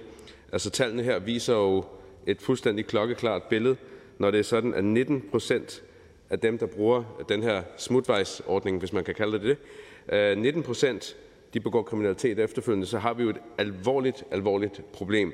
Og når det er sådan, der især nogle landegrupper, Iran, Irak og Somalia, som jeg nævner her, øh, der skiller sig ud, jamen så har vi jo et endnu større problem i forhold til dem. Og vi synes jo ikke, der er noget som helst uretfærdigt i øh, at, øh, at sige, at hvis man det er, vi, vi har faktisk landet det her meget, meget blødt sted ved at sige, jeg kunne forestille mig, at der er nogle partier, der siger, hvis man er kommet hertil med sine forældre, for eksempel fra Irak eller øh, Somalia, når man fylder 18, jamen hvis man så ikke har sit eget beskyttelsesbehov, så skal man jo tilbage til, til hjemlandet. Det kunne jeg forestille mig, at der er nogle partier, der siger, vi lander det her på en noget blødere måde, i, også i håbet om, at, øh, at der var bredere opbakning ved at sige, jamen så får man automatisk øh, uden krav en femårig opholdstilladelse, og hvis man i den periode opfører sig ordentligt, ikke er landet til last øh, og ikke begår kriminalitet, jamen så kan man så få den permanente opholdstilladelse. Det synes vi faktisk er en, en, en fornuftig måde at, at løse det her på. Så, så er der nogle partier, øh, SF, øh, undskyld, radikale venstre, der siger, at vi, vi straffer de unge. Jeg vil ikke mene det at være ung udlænding fra Irak eller Somalia i Danmark og få automatisk en femårig opholdstilladelse, når man fylder 18. Det, det, det kan jeg svært se er en, en, en, en straf.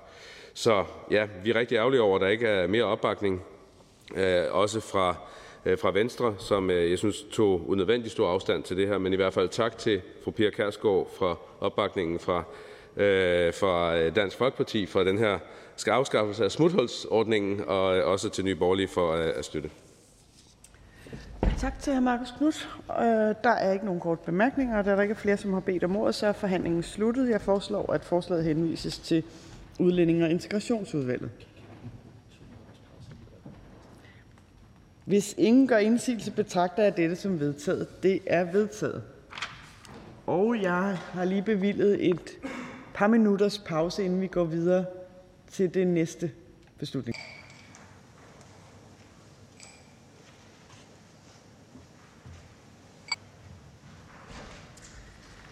Det næste punkt på dagsordenen er første behandling af beslutningsforslag nummer B 174, forslag til folketingsbeslutning om et årligt loft over antallet af tildelte permanente opholdstilladelser af hr. Marcus Knudt fra Det Konservative Folkeparti og hr. Søren Pape Poulsen. Forhandlingen er åbnet, og den første, ordfører, eller den første er udlændinge- og integrationsministeren. Værsgo. Tak til formanden for ordet og for lidt fleksibilitet, og til Øh, forslagsstillerne for at stille B 174, forslag til folketingsbeslutning om et årligt loft over antallet af tildelte permanente opholdstilladelser. Jeg synes kun, det er rimeligt, at vi stiller strenge krav for tildeling af permanente opholdstilladelse. Og det synes jeg også, vi gør. Og kravene er skærpet endda flere gange. Permanente opholdstilladelse er ikke noget, man opnår bare sådan uden videre. Når det er sagt, kan regeringen ikke støtte et forslag om et loft over antallet af tilladelser. Forslagsstillerne henviser til, at der som følge af tilstrømningen af flygtninge i 15 var en kraftig stigning i antallet af syriske statsborgere, der fik permanent ophold i 21. Af de i alt 4.200, der fik opholdstilladelse i 21, var 5 procent fra Syrien. Det er ikke mange, men det er flere end tidligere, og jeg er med på, at der sikkert vil være flere fra Syrien i fremtiden. Men de syriske statsborgere, der får permanent ophold, får det jo også kun, fordi de lever op til betingelserne. De er integreret, de har været her i lang tid nok. Som jeg kom ind på under samrådet i marts om syriske flygtninge, der har opnået permanent ophold, blev reglerne skærpet i 16 og 17. Det var nogle ændringer, som Socialdemokratiet støttede. Af de permanente opholdstilladelser, der blev meddelt sidste år, blev 13 procent givet til flygtninge og 34 procent til arbejdstagere og studerende. Og det er min opfattelse, at vi med de nuværende regler for permanent ophold overordnet set har fundet en fornuftig balance i forhold til på den ene side at føre en stram udlændingepolitik, og på den anden side at tilgodese dem, der er kommet hertil, og som faktisk deltager i vores samfund og bidrager positivt til vores økonomi. Jeg mener ikke, det vil være fornuftigt at indføre et loft så udlændinge, som allerede opfylder de strenge krav til permanent ophold, skal mødes med yderligere ventetid. Og vi kan derfor ikke støtte forslaget.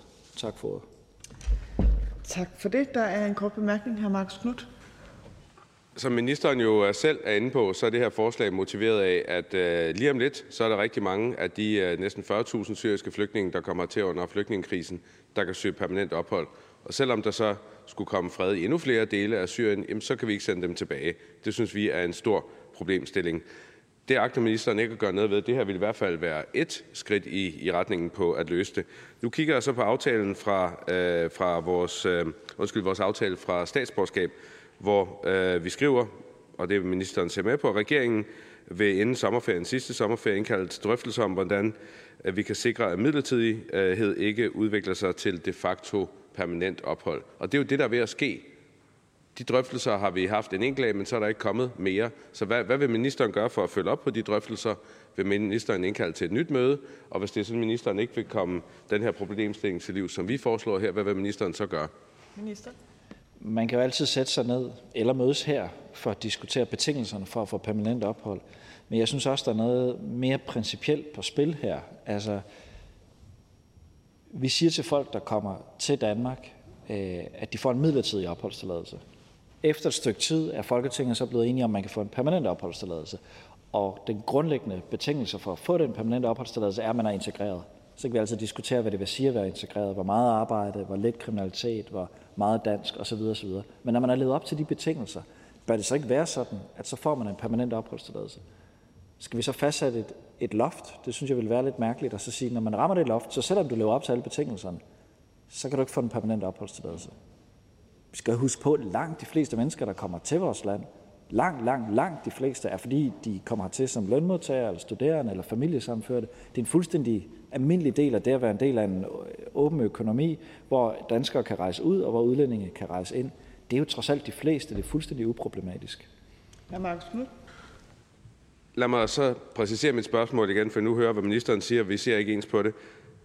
Inden, da vi, undskyld, da vi lavede aftalen om øh, statsborgerskab, der forpligtede ministeren sig til at indkalde til en række drøftelser inden sommerferien, det var altså sidste sommerferie, om hvordan vi undgår midlertidig beskyttelse udvikler sig til de facto permanent ophold.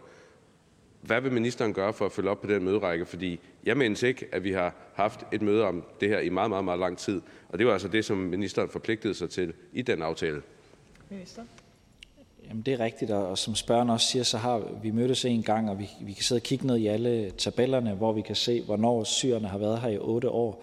Det, der bare er mit udgangspunkt, er, når man lever op til reglerne for at få permanent ophold, så skal man have permanent ophold, synes jeg. Jeg synes ikke, der skal være et loft, hvor at vi så siger, mm, desværre nu har vi ramt x antal tusind i år, så er der ikke flere permanente opholdstilladelser i Danmark. Altså, vi kan regulere tilstrømningen til Danmark, og vi kan regulere betingelserne for, hvem der skal have permanent ophold. Men jeg synes ikke, man skal begynde at sige, at der er et loft.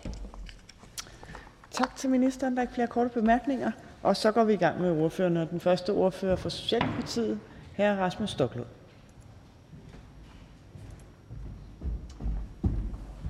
Tak. Det konservative Folkeparti foreslår, at der indføres et årligt loft over antallet af tildelte permanente opholdstilladelser til ikke-EU-borgere. Derudover foreslås det, at personer, der søger om permanent ophold, prioriteres efter tre kriterier om henholdsvis danskkundskaber, kriminalitet og offentlig forsørgelse. Jeg tror, jeg forstår konservativs intention med beslutningsforslaget, fordi selvfølgelig skal vi have kontrol over, hvor mange personer med oprindelse i forskellige dele af Stormellemøsten, der bosætter sig i Danmark og opnår permanent ophold, og dermed også opnår lettere adgang til at kunne få dansk statsborgerskab. Vi har igennem tiden erfaret, at det er indvandringen fra den del af verden, der er drivende for integrationsudfordringerne. Det har store konsekvenser for det danske samfund og vil være en udfordring mange år frem. Vi mener dog, at personer, der lever op til betingelserne, skal have tildelt en permanent opholdstilladelse, fordi reglerne i dag er stramme. Her i Folketinget har vi igennem årene sikret et sæt klare og konsekvente regler for opnåelse af permanent ophold for udlændinge, og er man flittig og gør sin pligt og lever op til disse regler, så mener vi, at det er rimeligt, at man kan få en permanent opholdstilladelse. Socialdemokratiet støtter ikke beslutningsforslaget. Tak. Der er en kort bemærkning, hr. Marcus Knudt. Jamen, at, at øh, ordføreren har samme synspunkt som ministeren, øh, det, det kommer ikke som en, en stor overraskelse. Men nu spurgte jeg jo ministeren, og jeg er sikker på, at uh, ordføreren også, også hørte det. Og selvom ordføreren ikke er ordfører på, på uh, statsborgerskab, da vi lavede aftalen om statsborgerskab sidste forår, forpligtede ministeren sig til at indkalde til drøftelser om, hvordan vi sørger for, midlertidig beskyttelse, for eksempel for syre, en stor gruppe af syre, ikke udvikler sig til permanent ophold. Og det har jeg lige spurgt ministeren to gange om, hvornår han tænkt sig at indkalde til, til næste møde omkring det. Jeg vil lige høre om, om ordføren, øh, for det er over et år siden, tror jeg, vi har været snakket om det sidst. Ah, øh, lidt, lidt under et år siden. Har ordføreren hørt om nogen indkaldelse til næste møde omkring det? Rasmus Stoklund. Nej, det har jeg ikke, men jeg har heller ikke noget kendskab til, hvad der præcist er blevet aftalt, og jeg styrer heller ikke øh, her, øh, nej, det er ministerens kalender. Så jeg tror, at hr. Knut må spørge ministeren øh, i stedet for at spørge via mig. Hr. Marcus Knudt.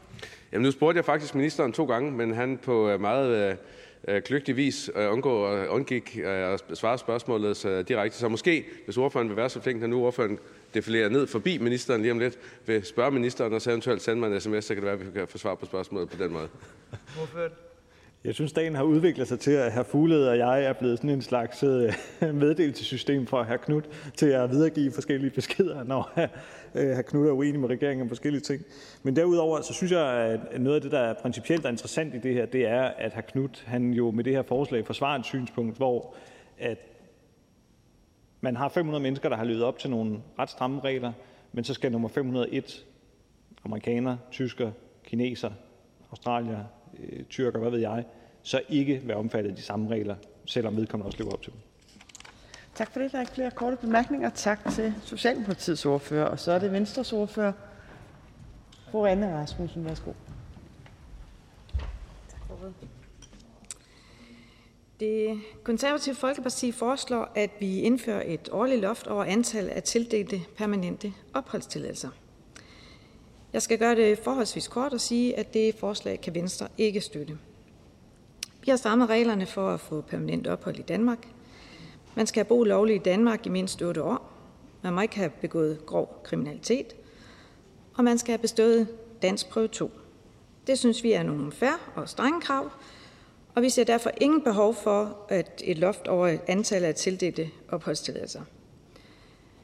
Faktisk er forventningen fra Udenrigsministeriet, at loft i højere grad vil berøre udlændinge med opholdstilladelse på baggrund af erhverv og studie, end udlændinge med opholdstilladelse som flygtninge. Det betyder, at den gruppe, der i højere grad vil blive berørt af loft, blandt andet består af udlændinge, som er i Danmark for at arbejde og studere, som i høj grad bidrager til det danske samfund, og dem skal vi ramme med et loft, hvis de lever op til de stramme krav. Og med disse ord kan jeg meddele, at Venstre ikke støtter forslaget. Tak. Der er en kort bemærkning her, Markus Knudt.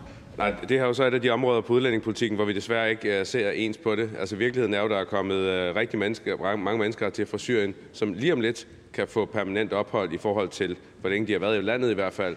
Og det synes vi jo, vi skal gøre noget ved, og det er jo så ærgerligt, at Venstre ikke vil bakke op om det her. Men Venstre bakker op om den aftale, vi har med ministeren om, at han skal indkalde til en møderække omkring, hvordan vi sørger for midlertidig beskyttelse ikke udvikler sig til permanent ophold. Så egentlig bare en, en venlig opfordring til, uh, til ordføreren om også at tage det videre til, uh, til hr. Morten Dalin, om at uh, ministeren han skylder os altså nogle møder på det her. Han er, det er snart et år siden, han har indkaldt til møde sidst, og der, der gemmer han sig fuldstændig på trods af, at vi har en klokkeklar aftale på skrift om, at det er altså noget, som han skal indkalde til forhandlinger om. Jamen, jeg, jeg skal tage beskeden videre. Tak for det. Der er ikke flere korte bemærkninger. Tak til Venstres ordfører. Så er det ordføreren fra Socialistisk Folkeparti, fru Halime Oguz. Tak, fru formand, og tak for ordet. Med det her forslag ønsker konservativ et arbitrært loft for, hvornår man kan komme gennem nåleøjet til en permanent opholdstilladelse. Jeg synes, vi fint kan diskutere integrationskrav og hvilke faktorer, der skal udløse permanent opholdstilladelse. Hvad skal man leve op til? De krav skal selvfølgelig respektere Danmarks internationale forpligtelser, men også hvad vi mener, det bør kræve at få permanent ophold i Danmark. Men her er der jo ikke tale om krav til hverken integration, flittighed, overførselsindkomster eller noget som helst andet. Der er tale om et loft, så hvis to flygtninge har boet her i otte år og i den tid levet op til de øh, krav for permanent opholdstilladelse, så mener SF ikke, at et loft skal kunne sætte en stopper for den ene, blot fordi den anden er kommet hurtigere igennem sin ansøgning, som forslaget lægger op til. For begge ansøgere lever op til kravene. Derudover savner vi i SF noget dokumentation for omfanget i bemærkningerne.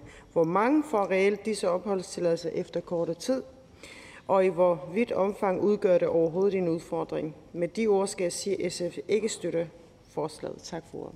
Der er en kort bemærkning her, Markus Knudt. Forslag er jo kun et ud af mange i forhold til at komme den problemstilling til livs, øh, at virkeligheden er, at der er fred i større og større områder af Syrien, men der bor jo altså jeg tror, der kommer omkring 40.000 hertil fra Syrien under flygtningekrisen, som jo ikke vil rejse hjem. Og lige om lidt, så står de til at få permanent ophold. Og så uagtet, om der skulle komme fred i hele Syrien, jamen så kan de blive her i resten af, af, af livet. Så hvis ordføreren ikke vil støtte op om det her, som et af flere forslag til at, at komme den problemstilling til livs, hvad vil ordføreren så gøre?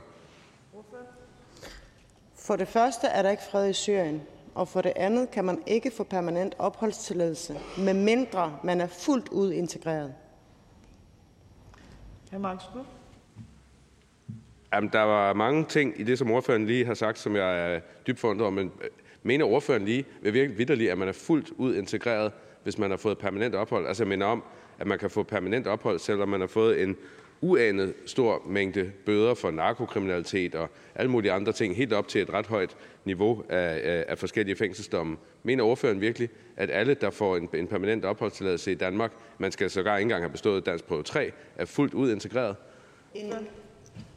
Nej, og en kriminel kan ikke få opholdstilladelse i Danmark. En kriminel kan ikke få permanent opholdstilladelse. Det er simpelthen, øh, det er simpelthen ikke rigtigt. Øh, og hvis vedkommende skulle begå noget kriminalitet efter at have fået permanent opholdstilladelse, så er der også nogle hårde straffe forbundet med det, og eventuelt udvisning. Tak for det. Der er ikke... Ja, der er en... Øh, er det, var det, har han ikke haft to? Der har været to korte, to korte bemærkninger. Ja, ja, ja. Så, tak for det. Der er ikke flere øh, korte bemærkninger. Så vi er, går videre til Radikale Venstres ordfører. Fru Katarina Olding.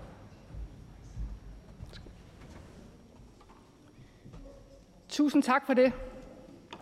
Jeg synes, det er vigtigt at holde fast i, at når man får permanent ophold i Danmark, så får man det jo, fordi man har bestået en øh, lang række prøver, og man kan opfylde en lang række krav, som hver især faktisk er temmelig rimelige. Man kan forsørge sig selv, man har et arbejde, man kan sproget, man har ikke begået kriminalitet. Og derfor så mener vi jo heller ikke i Radikale Venstre, at det er et problem, når for eksempel, som forslagstilleren siger, at syre kan få permanent ophold efter en årrække, så er det jo fordi, de har valgt Danmark til, og rent faktisk har en fremtid her, sprogligt, arbejdsmæssigt, kulturelt osv., tapper ind i det danske samfund og vil gerne være med på de præmisser, vi nu har lagt frem for det medlemskab. Og derfor så mener vi egentlig også, at det er reglerne for permanent ophold, sådan som de står i dag, så kan man jo altid, øh, vi har jo også en lang række øh, idéer til, hvordan vi kunne øh, gøre dem øh, bedre.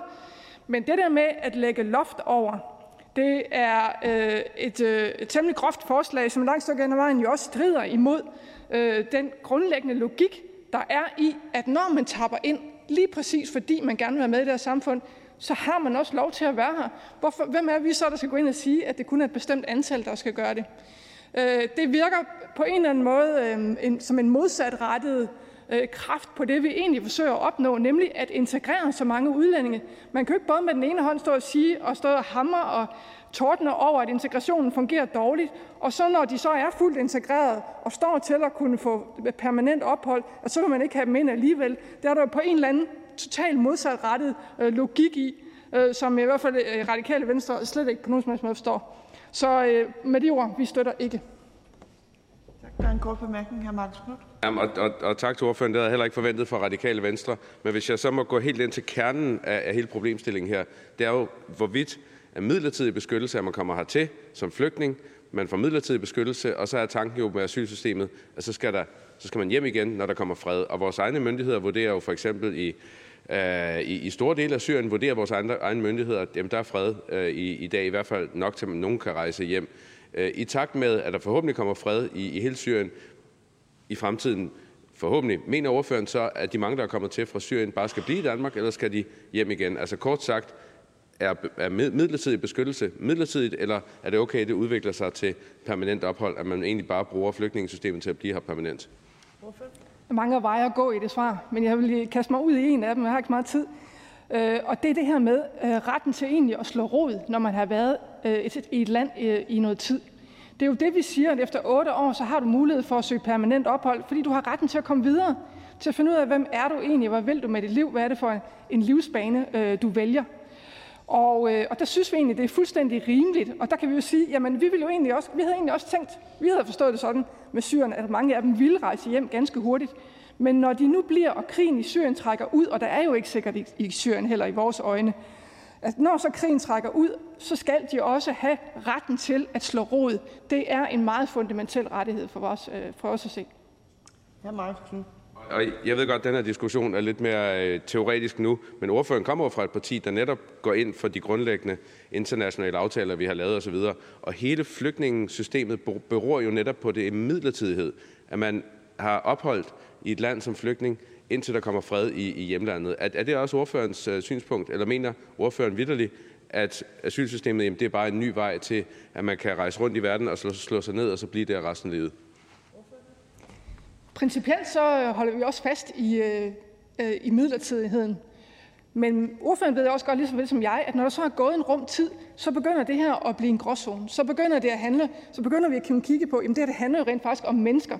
Og det der med at presse en masse principper ned over mennesker, som også er i gang med at komme videre i deres liv og slå rod i deres nye land, så skal de også have en chance for at komme videre og blive her og etablere sig som danskere. Tak for det. Der er ikke flere korte bemærkninger. Tak til den radikale ordfører. Og så er det Dansk Folkepartis ordfører, fru Pia Kærsgaard.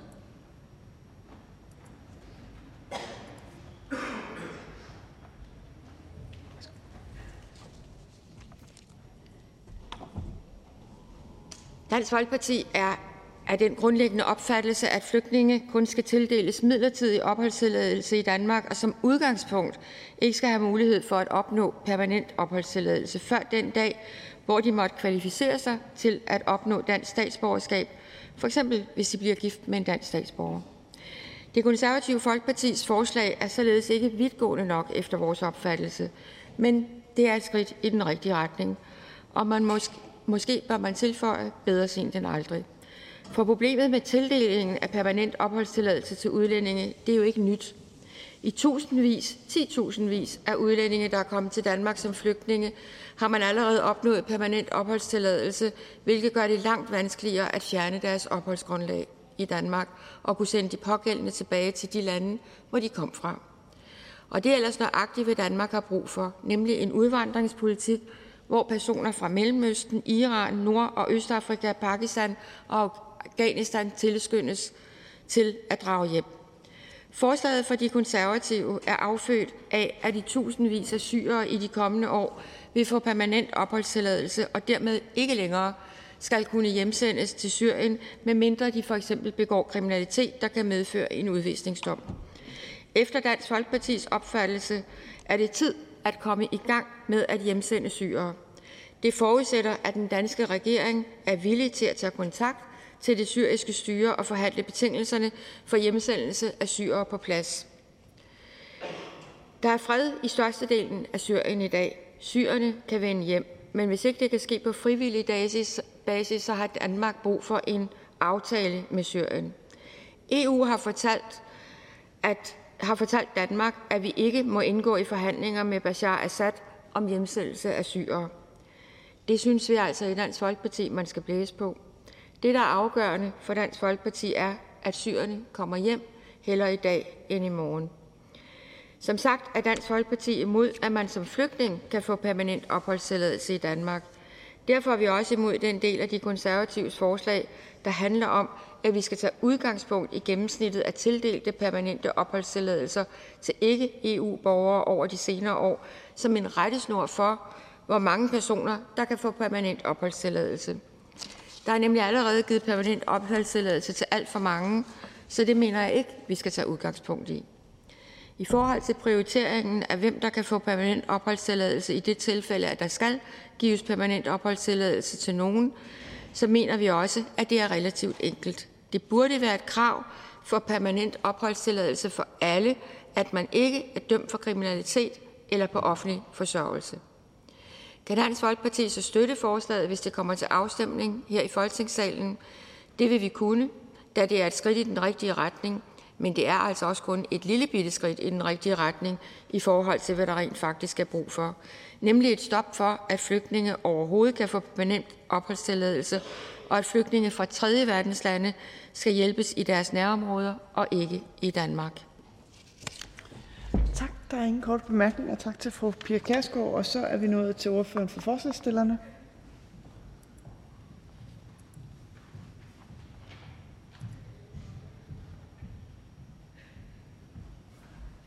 Værsgo, hr. Marcus Knudt. Tak, formand. og tak til alle for en, øh, en god drøftelse her. Jeg er selvfølgelig ked af, at der ikke er opbakning til forslaget. Det forventede jeg nu heller ikke, fordi da vi havde et lignende forslag i forhold til et loft over antallet af permanente, Øh, undskyld, statsborgerskab, øh, der havde vi, vi, jeg troede faktisk, vi var ved at komme lidt i retning øh, under forhandlingerne, men det endte så med, at, øh, at Venstre og Socialdemokratiet ikke øh, bakkede op. Det gjorde øh, Dansk Folkeparti og Nye Borgerlige selvfølgelig, så tak for det. Øh, men virkeligheden er jo, at det her udspringer af en diskussion, som jeg øh, også øh, spurgte flere ordførende ind til, at midlertidighed, når man kommer til Danmark og får beskyttelse midlertidigt, så skal det ikke udvikle sig til permanent ophold. Det er jo sådan, at man skal tilbage til sit hjemland, når der er fred, og når det, øh, når det er muligt. Øh, og der er vi jo ked af, at der ikke er større opbakning til, til øh, at, at føre det ud i livet. Øh, ordføreren fra, fra Radikale Venstre sagde jo sådan set selv, jamen de deler det grundlæggende synspunkt. Det er jo også noget, der, der, der står i, øh, hele flygtningekonventionen osv. er jo netop bygget på, at, at flygtninge er et midlertidigt begreb og ikke et permanent øh, begreb. Men øh, i hvert fald tak til øh, Dansk Folkeparti. Jeg skal forresten hilse fra Nye Borgerlige og sige, at de bakker det her op. Tak til Dansk Folkeparti for at bakke det her op. Øh, og bare lige en kommentar til fru Pia Kærsgaard. Øh, vi er jo helt enige i, at det her er jo ikke løsningen på alle problemer i forhold til, at Øh, at øh, midlertidighed ikke skal udvikle sig til permanent øh, ophold. Det her er et ud af mange beslutningsforslag, som kommer i hvert fald i, i den retning, øh, bare lige for at, at, at minde om det. Og så til sidst til, øh, til ministeren. Jeg minder høfligt om, at vi altså har en aftale, den står i den nye statsborgerskabsaftale, om at ministeren vil indkalde til drøftelser for, hvad kan vi gøre, især for den her gruppe af syre, at midlertidighed ikke udvikler sig til permanent ophold. Og der vil jeg gerne lige minde om, at vi har kun haft et møde. Det var inden sidste sommer. Det er snart et år siden. Så jeg håber oprigtigt, at ministeren vil indkalde til næste møde, fordi det synes vi i hvert fald skulle have sket for lang tid siden. Tak til hr. Markus Knudt. Der er ingen korte bemærkninger, og da der ikke er flere, som har bedt om ordet, så er forhandlingen sluttet. Jeg foreslår, at øh, forslaget henvises til Udlændinge- og Integrationsudvalget. Hvis ingen gør indsigelse, betragter det som vedtaget. Det er vedtaget. Det sidste punkt på dagsordenen er: første behandling af beslutningsforslag nummer B 165: Forslag til folketingsbeslutning om indførelse af krav om permanent ophold i Danmark i mindst 5 år, før man kan søge dansk statsborgerskab. Af hr. Marcus Knuth og hr. Søren Pape Poulsen fra Det Konservative Folkeparti. Forhandlingen er åbnet, og den første, der får ordet, er udlændinge- og integrationsministeren. Tak til formanden for ordet, og tak til Det Konservative Folkeparti for at stille beslutningsforslag B 165. Med forslaget foreslår De Konservative, at udlændinge, der søger dansk statsborgerskab, skal have haft permanent ophold i Danmark i mindst 5 år, i stedet for det nuværende krav om 2 års permanent ophold. Ved aftalen om nye regler for tildeling af statsborgerskab blev opholdskravet skærpet, sådan at der nu ud over den allerede gældende betingelse om 9 års uafbrudt ophold her i landet også blev indført et krav om, at almindelige ansøgere om dansk statsborgerskab skal have haft permanent ophold i to år, mens der for flygtninge og personer, der må sidestilles med flygtninge og statsløse, blev indført et krav om et års permanent ophold. Kravene til opholdsperiodens længde er blandt andet fastsat henset til, at statsborgerretskonventionen indeholder en forpligtelse til højst at kræve 10 års fast ophold som betingelse for erhvervelse af statsborgerskab. En yderligere stramning af kravene til opholdsperiodens længde og periode med tidsubegrænset ophold vil derfor kunne være i strid med vores internationale forpligtelser. Og det er regeringens holdning, at Danmark skal overholde statsborgerretskonventionen. Jeg mener derfor også, at vi med aftalen fandt et passende niveau med indførelsen af et krav om permanent ophold i to år forud for ansøger om dansk statsborgerskab, og vi kan derfor ikke støtte De Konservatives forslag. Tak for. Tak for det. Der er en kort bemærkning. Hr. Marcus Knudt. Nu har der været lidt diskussion omkring konventioner og det her forslag. Og bare lige for at slå en enkelt ting fast. Øh, jeg talte med Eva Ersbøl og fik hende også øh, meget venligt til at svare på skrift med nogle spørgsmål, jeg havde. At selve det, at vi stiller et forslag, der opfordrer til at indkalde til forhandlinger, det er selvfølgelig ikke imod nogen som helst konvention. Det kan det jo ikke være at indkalde til en forhandling. Men vi ser jo, at der kan være mange løsningsforslag på det her. Et direkte tidskrav, om man skal have været i Danmark i, i fem år, det er vi sådan set enige i, at det kan godt være problematisk. Men man kan jo gøre det indirekte, for eksempel ved at fjerne dispensationsmuligheden for, øh, for, øh, beskæftigelseskravet, det vil jo alt andet lige betyde, at mange af de unge, som vi synes er en, en problemstilling, fordi de begår kriminalitet efterfølgende, vil skulle have haft et arbejde, og dermed måske først få dansk statsborgerskab, når de er øh, for eksempel 22 eller 23. Det vil vi godt kunne leve med. Er det noget, som, som og det vil være inden for konventionerne, som jeg forstår det i hvert fald. Er det en løsningsmodel, som ministeren så kan se sig selv i? Minister? Jamen, vi mener, at den aftale, vi har indgået, er god, og vi ser ikke noget grundlag for at skulle indkalde til forhandlinger med henblik på at lave nogle nye regler for tildeling af statsborgerskab så kort tid efter, vi netop har ændret dem én gang. Faktisk mener jeg, at det er et problem i sig selv, at de bærende regler i udlændingelovgivningen igennem et par årtier er blevet ændret så ufattelig mange gange, at det efterhånden er svært at finde rundt i det. Og det er derfor også et formål i sig selv at prøve at have nogenlunde ro omkring øh, de væsentligste regler på udlændingeområdet, herunder reglerne for statsborgerskab. Og øh, så synes jeg bare heller ikke, det er rimeligt at sige til folk, punkt 1, det tager 8 år for permanent ophold plus sagsbehandlingstid, og så 5 år bagefter at skulle vente på at kunne få statsborgerskab. Masser af de mennesker, der i dag får statsborgerskab, efter at have haft permanent ophold i to år, øh, det er folk, jeg er glad for at kunne give statsborgerskaber, som er velintegreret i Danmark og som øh, fungerer godt i det danske samfund. Men ministeren ved udmærket også godt, at årsagen til, at så mange unge får statsborgerskab så hurtigt, er jo fordi, der både er et smuthul i forhold til permanent ophold for unge, og så er der også et smuthul i forhold til statsborgerskab for unge, hvor man heller ikke skal have haft et øh, job eller levet op til særlig mange krav overhovedet. Og der er det jo, vi ser, altså 21 procent af pakistanere, 20 procent af iranere, 18 procent af afghanere begår omfattende kriminalitet, efter de har fået dansk statsborgerskab. Og der er det jo, vi siger stilfærdigt, jamen hvis nu vi venter med at give dem dansk statsborgerskab, når de er i den helt unge alder, men at de skal være her lidt længere og leve op til nogle flere krav, så kan det være, at de ikke begår kriminalitet. Hvad vil ministeren gøre ved dem, der begår kriminalitet? Minister? Jeg vil starte med at sige, at et krav om mindst fem års ophold, øh, fem års permanent ophold, før man kan søge statsborgerskab, det vil jo ramme alle. Altså rigtig mange mennesker, tusindvis af mennesker, som hvert år søger om dansk statsborgerskab. Og det, som udlændingepolitikken jo handler om, det er at finde balancerne mellem på den ene side at have en stram udlændingepolitik, og på den anden side have nogle regler og nogle betingelser, der gør, at de tusindvis af mennesker, der kommer til landet hvert år, at de også mener, der er nogenlunde rimelighed i, hvilke betingelser de bliver mødt med fra det danske samfund. Og den balance er væsentlig at finde. Den mener jeg faktisk på mange stræk, vi har fundet. Og hvis vi gennemfører det, der ligger her foran os nu, så mener vi, vi vil miste balancen. Og for mange mennesker vil opleve, udover at vi bryder konventionerne, også at der vil være en helt urimelig lang ventetid for at få statsborgerskab for folk. Tak for det. Der er ikke flere korte bemærkninger. Tak til udlænding- og integrationsministeren. Og så er det ordførende. Og den første ordfører fra Socialdemokratiet. Værsgo her, Lars Aslan Rasmussen. Tak. Det konservative Folkeparti foreslår med det her beslutningsforslag indkalde til forhandlinger om at ændre reglerne på indfødsretsområdet, så udlændinge, der søger om dansk statsborgerskab, skal have permanent ophold i Danmark i mindst fem år. I Socialdemokratiet mener vi, at fra Folketingets side skal man stille høje forventninger og stramme krav til udlændinge, der søger om dansk statsborgerskab. Det er at blive et stort privilegium at blive dansk statsborger, og når man først har opnået dansk statsborgerskab, er det svært at få det taget fra sig igen, også selvom man begår alvorlig kriminalitet. Derudover er det en stor tillidserklæring fra det danske samfund, når udlændingen får dansk statsborgerskab og for alvor bliver en del af fællesskabet her i Danmark.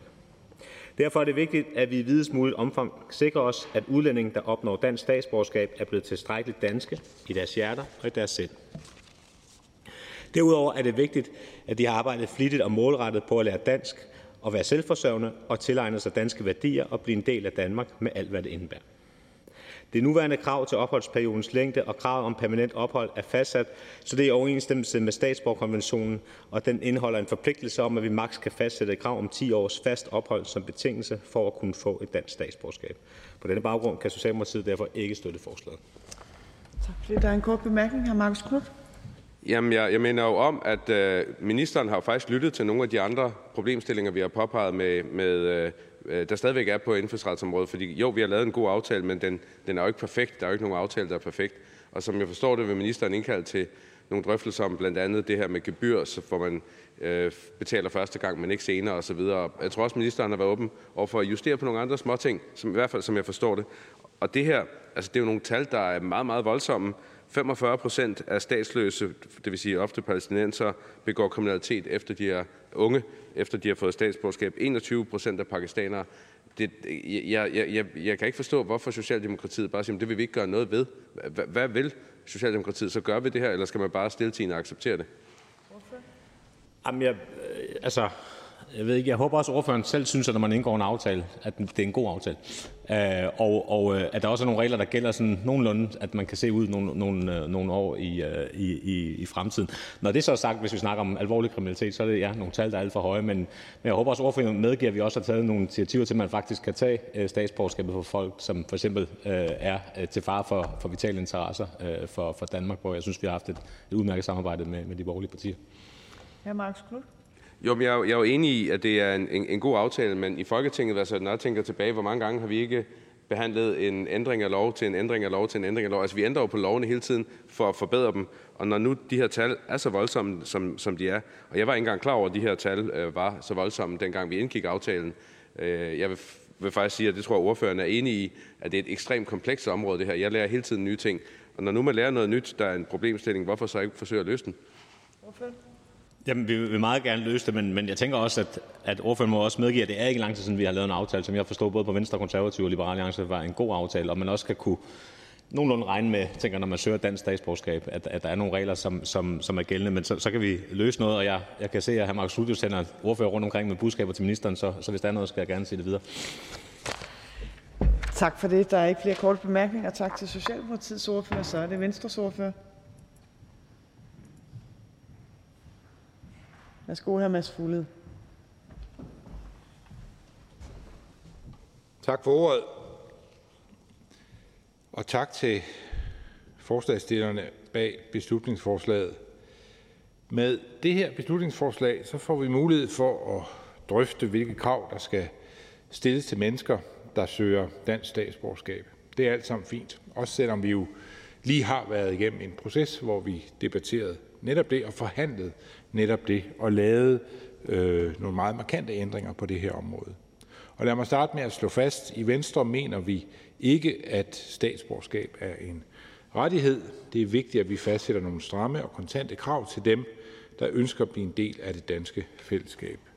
Reglerne for at øh, opnå dansk statsborgerskab blev som bekendt ændret sidste år, øh, og øh, jeg var selv med til de her forhandlinger Øh, og vi blev enige om, at der skulle laves en ny aftale for opnåelse af indfødsret. I denne aftale indgik der også det element, vi diskuterer her i dag, altså hvor lang tids permanent ophold skal man have i Danmark, før man kan søge om dansk statsborgerskab. Her blev vi enige om, at almindelige ansøgere, som i udgangspunkt skal have haft permanent ophold i Danmark i to år. På grund af konventionsbestemmelser er der enkelte grupper, som kan nøjes med et års permanent ophold, men den generelle regel er altså to år. For at opnå permanent ophold i Danmark skal man som udgangspunkt have opholdt i landet i mindst 8 år. Altså vil udgangspunktet være, at man skal have opholdt sig 10 år i Danmark, før man kan komme i betragtning til dansk statsborgerskab. Og så kommer der et øh, beslutningsforslag nu, som vi behandler her, hvor de konservative folkeparti at foreslår, at alle personer skal have haft fem års permanent opholdstilladelse, før man kommer i betragtning for at få dansk statsborgerskab. Det vil betyde, at hovedreglen vil blive, at man skal have været i Danmark i 13 år, før man kom i betragtning til at få dansk statsborgerskab.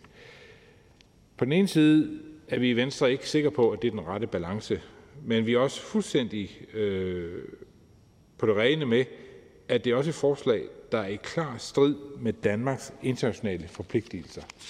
Da øh, statsborgerskabskonventionen beregner de opholdskrav, som en nation kan opsætte Øh, til 10 år.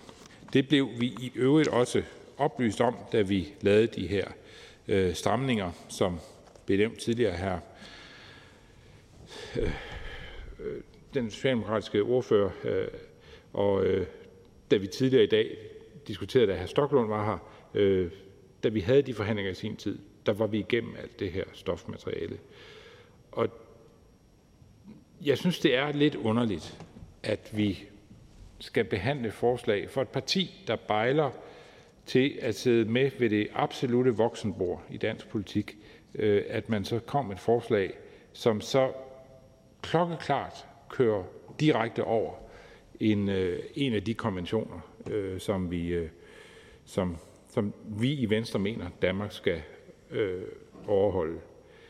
Jeg tror, vi skal gå en helt anden vej, hvis man ikke synes godt nok om den aftale, vi indgik i sin tid. Så bør vi øh, sætte os ned og se på, om de problemer, som jeg kan forstå på den konservative ordfører, der er frustrerende for dem, og jeg er faktisk til dels enig med dem, at, øh, at der er et problem med, at alt for mange, der har øh, en for aktiv kriminel løbebane for øh, statsborgerskab i Danmark.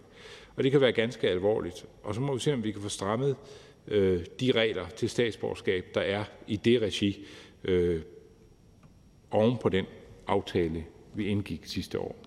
Vi vil i Venstre ikke afvise, at der kan gøres yderligere. Det vil vi gerne drøfte både med Konservative Folkeparti og med regeringen om, men vi må gøre det på en måde, så vi ikke kører med fuld fart ind i en øh, konvention. Det synes vi simpelthen ikke er, er den rigtige måde at gøre det på. Derfor vil jeg gerne opfordre til, at regeringen snarest får indkaldt til en opfølgning på sidste års aftale.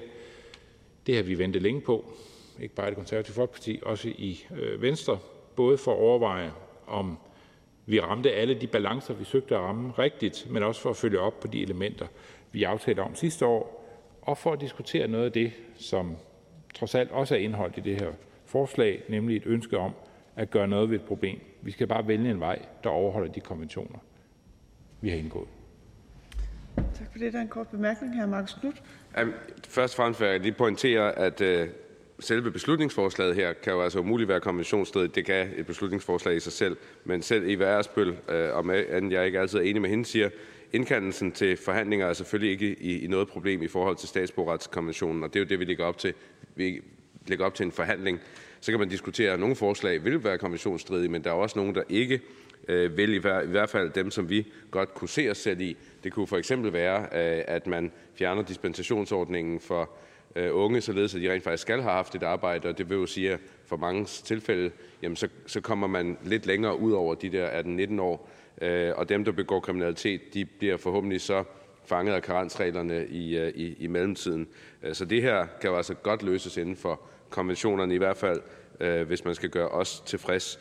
Men jeg vil gerne takke Venstre for opbakningen til, at øh, vi skal have en runde for at gå det her igennem, fordi der er mange små skævheder, som udstår, og det håber ministeren lytter til, så vi kan få en øh, opsamlingsrunde på aftalen om statsborgerskab. Hvorfor? Altså, B 165 opfordrer til, at man skal kræve, at der skal være et permanent ophold i Danmark på fem år. Hvis man indkalder til et møde om det, så er det selvfølgelig ikke konventionsstridigt. Men hvis man gør det, der bliver bedt om, så bryder man konvention. Og det synes vi ikke er klogt. Hr. Marcus Knudt. Ja, nu har jeg lige haft en meget lang diskussion med, øh, med, en, med en journalist fra politikken, undskyld, fra, øh, fra Berlingske om lige præcis det her. Og der står ordret, vi pålægger regeringen at indkalde til forhandlinger. Det står der ordret. Øh, og det er altså ikke konventionsstridigt, bare lige for at slå det fast. Men alt andet lige, vi får forhåbentlig en diskussion, en, en form for forhandling med, med ministeren inden længe. Det har han i hvert fald lagt op til, og så har vi jo mulighed for at drøfte forhåbentlig alt mellem himmel og, himmel og jord, om ikke andet under punkt øh, eventuelt. Så den del tror jeg da i hvert fald, vi er enige om. Jeg synes, man skal fremstille beslutningsforslag, hvor man er sikker på, at det, man foreslår, ikke kører ind, ind i de konventioner, som Danmark skal overholde. Det er meget vigtigt, når vi fører politik på det område, at vi ligesom kender de grænser, der er omkring det felt, vi fører politik på. Øh, og derfor vil jeg meget gerne tale med ministeren om alt det, vi aftalte sidste år. Øh, jeg synes ikke, det giver mening at indlede forhandlinger om noget, som vi ved er i strid med en konvention. Tak til hr. Mads Fuglede. Der er ikke flere korte bemærkninger. Så er det SF's ordfører, fru Halime Busch. Værsgo.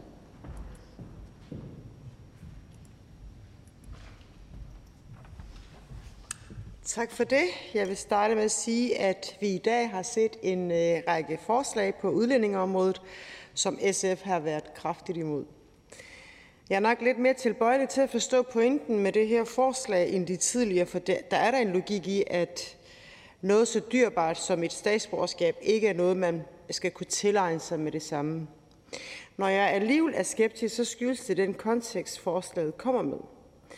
Vi har historisk strenge krav til statsborgerskab, og mange af dem har SF støttet, netop fordi statsborgerskab er noget særligt. Du bliver et fuldbyrdet medlem af Danmark med alle de mange, mange rettigheder, det medfører. Men har vi virkelig brug for at dumpe endnu et krav oven i et system, som vi lige har sat gang i drøftelser for at simplificere? Og oven i det hører jeg også, at øh, det kan eller er i strid med konventionerne. I SF mener vi, at de flygtninge, som har bidraget til det danske samfund og levet op til vores krav gennem otte år, dertil yderligere et par år, har fortjent dansk statsborgerskab. Af den simple grund, at de lever op til alle de krav, som en permanent opholdstilladelse og et muligt efterfølgende statsborgerskab, statsborgerskab kræver af dem. Som tidligere nævnt er det altså ikke små krav, vi kræver af, den enkelte, af det enkelte individ. Nul gæld, bestået dansk prøve 2, ingen kriminalitet, ingen modtagelse af offentlige ydelser og meget, meget mere. Jeg kan heller ikke se, at forslagets bemærkninger argumenterer tilstrækkeligt for kravet. Man skal i forvejen leve op til en række strenge krav for at blive øh, statsborger. Og hvordan er forslaget her med til at forhindre mere kriminalitet i praksis? Det står faktisk også meget uklart.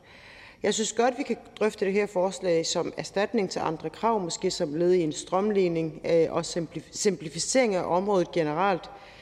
Men når, man, men når nåløjet for statsborgerskab i forvejen er så smalt, som det er, så synes jeg simpelthen ikke, at det giver mening. Tak for ordet. Og så skulle jeg hilse fra øh, enhedslisten sige, at de heller ikke støtter forslaget, som SF heller ikke gør.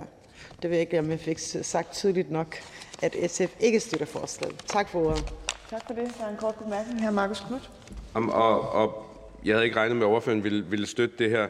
Øh, men vi er jo tilfredse, hvis man kommer den grundlæggende problemstilling til livs. Og det er, at rigtig, rigtig mange unge, især fra øh, fra Libanon, fra Pakistan, Iran, Afghanistan osv. begår omfattende kriminalitet kort efter, at de har, har fået øh, dansk statsborgerskab, fordi der er de her øh, ikke fast-track-ordninger, øh, men øh, smuthulsveje, eller hvad man nu skal kalde det, både på permanent ophold og på, øh, på statsborgerskab, således man på ret kort tid kan få først permanent ophold og derefter statsborgerskab, uden der er blevet stillet særlig mange krav. Og derefter kan man så begå kriminalitet, uden man bliver udvist. Hvad vil ordføreren så gøre for at lukke de smuthuller? Ordfører. Det jeg vil sige, det er, at jeg medgiver, at man har givet alt, alt for mange statsborgerskaber til, til folk, der ikke har fortjent det. Det medgiver jeg, og jeg er også imod det. Men sådan som reglerne er lige nu, så er det næsten umuligt at opnå statsborgerskab. Har du stjålet en slikpind i et supermarked på et tidspunkt, og efterfølgende levet op til alle de krav, der nu er, så, så er det stadig rigtig, rigtig svært. Så jeg, jeg kan ikke se, hvordan vi, skulle, hvordan vi skulle stramme det her yderligere, uden at det også går ud over alle mulige borgere, som gerne vil det her samfund. Som, som værner om lige præcis de rettigheder, øh, og frihedsrettigheder, som, som vi øh, værner om.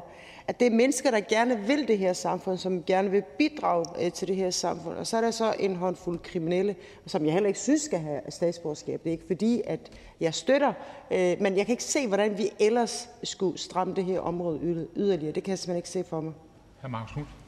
Jamen, jeg er jo glad for, at ordføreren siger, at øh, kriminelle ikke skal have statsborgerskaber, for mange kriminelle har fået. Men det er jo ikke rigtigt, at hvis man stjæler en uh, slikkepind, eller hvis man begår omfattende butikstyveri, fordi der er jo faktisk en, en, øh, en tærskel på, jeg tror helt op til 3.000 øh, kroner i, i bøde øh, for for eksempel butikstyveri. Og vi har jo så sent som for nogle få måneder siden givet statsborgerskab til en person, der havde fået fem omfattende bøder i træk for omfattende øh, tyveri, og der var ingen konsekvens. Så mener ordføreren virkelig ikke, at reglerne godt kan strammes op?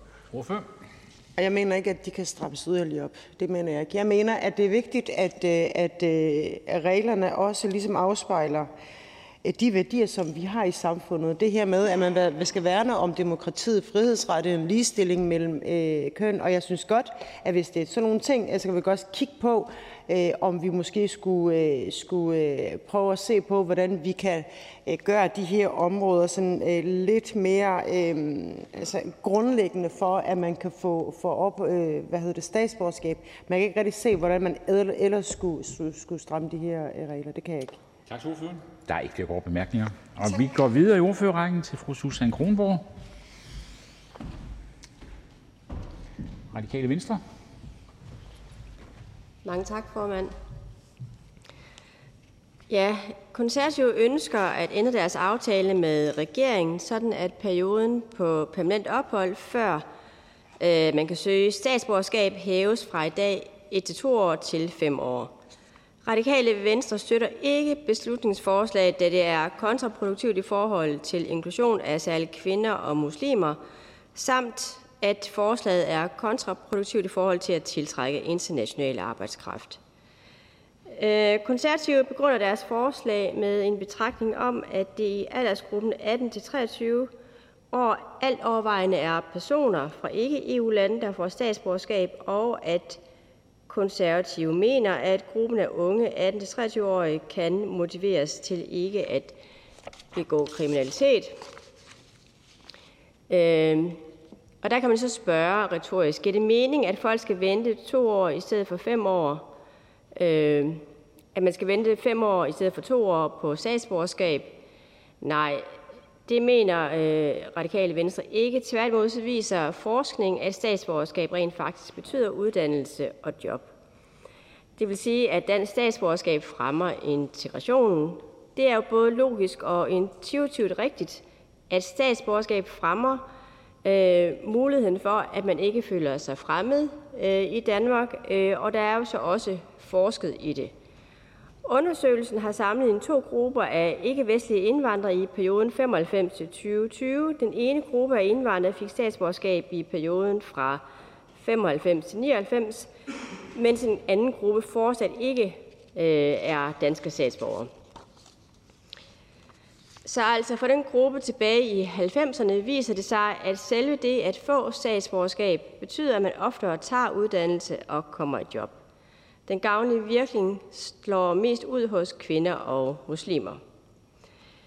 Så det vil så sige, at øh, ud over denne kontraproduktive øh, virkning, at øh, man ødelægger den øh, videnskabeligt viste integrationskonsekvens øh, af et statsborgerskab, så støtter Radikale Venstre heller ikke beslutningsforslaget, da det også er kontraproduktivt i forhold til at tiltrække international arbejdskraft.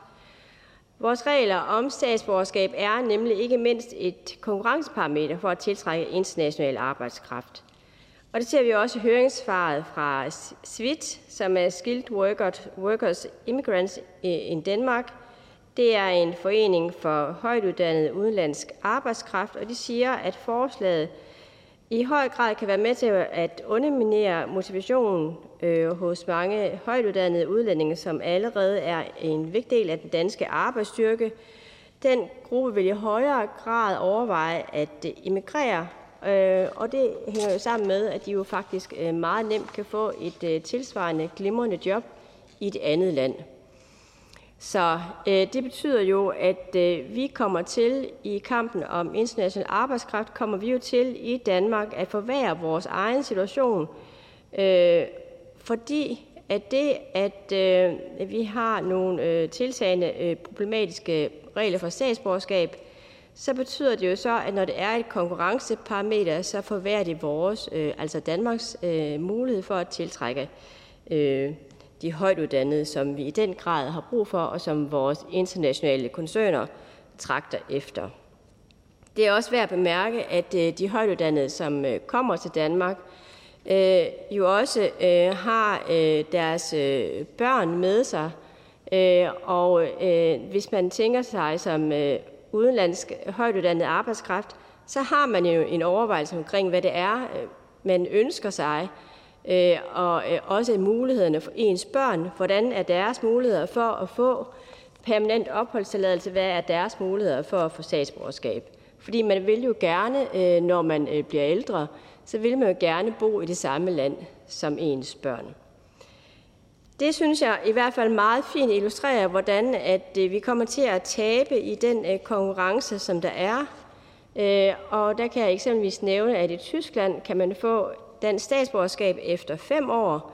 Så i hvert fald i forhold til dem øh, øh, frygter jeg, at vi kommer til at miste en hel del øh, af de her øh, meget højtuddannede, som øh, alle vores store koncerner øh, rigtig gerne øh, både vil have til Danmark, men også gerne vil beholde.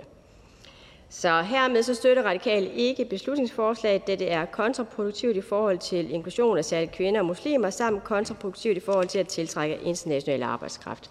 Tak for det. Kort bemærkning til hr. Lars Aslan. Der er en kort bemærkning. Hr. Lars Aslan Rasmussen, Ja, jeg er også blevet, til, til ordføreren, tak for talen. Jeg er også blevet, jeg har også blevet præsenteret for den rapport et par gange. Ordføreren blev med at sige kvinder og muslimer. Hvor står det henne i rapporten?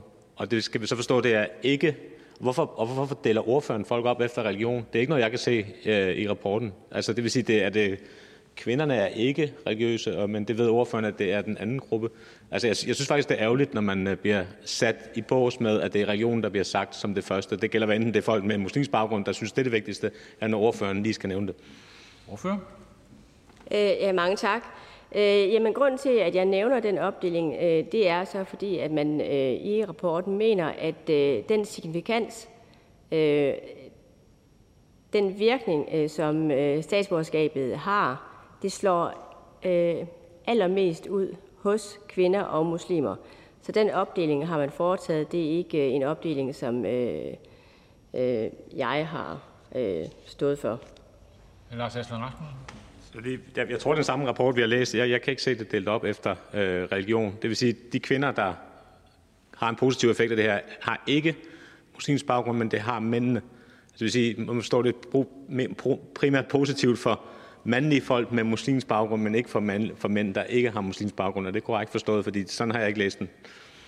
Hvorfor? Øh, altså, jeg har læst øh, rapporten på den måde, at man opdeler i forskellige grupper, og øh, der, hvor øh, statsborgerskabet giver allerhøjst virkning øh, statistisk set, det er kvinder, øh, og da man så har opdelt gruppen i kvinder, så kan de kvinder jo have alle mulige former for religion. Og så er der så en anden kasse, der hedder muslimer, og det kan jo så være både mænd og kvinder. Tak for det. Så er det Markus Knudt. Tak. Det, det var en meget uh, teoretisk diskussion om, uh, om religion. Jeg vil sætte fokus på noget lidt andet, som er det grundlæggende her. Uh, at det kan godt være, at ordføreren ikke bakker op om forslaget, som det ligger her, men baggrunden for forslaget er jo netop, at når vi tildeler statsborgerskab til folk i en ung alder, så især fra lande som Pakistan eller statsløse, det er jo helt voldsomt, altså 45 procent af statsløse i, i den her statistik, 45 procent begår kriminalitet, efter de har fået dansk statsborgerskab. Vil der ikke være en fornuft i, at man så måske ikke tildeler det, eller stiller højere krav, eller et eller andet? Kan, kan, synes ordføreren, det er i orden? Skal de bare have statsborgerskab, og så begå kriminalitet? Hvorfor? Øh, ja, og det er jo øh, meget svært det her øh, med statistik, øh, og øh, jeg har også øh, med interesse læst ministerens svar. Øh, og øh, for den umiddelbare betragtning er det, synes jeg, meget svært helt at vurdere, øh, hvad der er effekt og hvad der er virkning. Øh, og sådan i det, øh, baggrunden for svaret er heller ikke helt åbenlyst øh, med den konklusion, man øh, muligvis kommer med. Øh, fordi at jeg, jeg tror nok, at vi kan blive enige om, at det at få statsborgerskab, det ikke medfører kriminalitet i hvert fald. Og, og det er så igen det her med statistik, altså øh, hvordan skal det læses? Øh, man kunne også læse øh, ministerens svar sådan, at øh, øh, det typisk er unge mennesker, der er kriminelle i forhold til en anden gruppe. For eksempel, hvis man sammenligner unge mennesker med pensionister, øh, så øh, vil statistikken vise, at unge mennesker er mere kriminelle end pensionister. Markus Knudt? Nej. Jeg ser ikke, der er flere korte bemærkninger, så vi tager sagt til ordføreren og går videre i ordførerrækken til fru Pia Kærsgaard.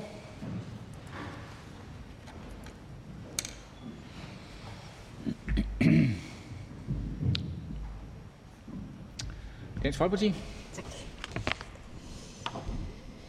Ja, så behandler vi øh, i dag B 165, forslag til folketingsbeslutning om indførelse af krav om permanent ophold i Danmark i mindst fem år, før man kan søge dansk statsborgerskab. Forslaget drejer sig konkret om at skærpe cirkulærebeskrivelsen om naturalisation, så perioden på permanent ophold, før man kan søge statsborgerskab, hæves fra de nuværende 1-2 år til 5 år.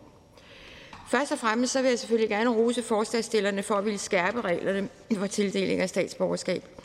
I Dansk Folkeparti er vi enige i, at reglerne for tildeling af statsborgerskab er for slappe.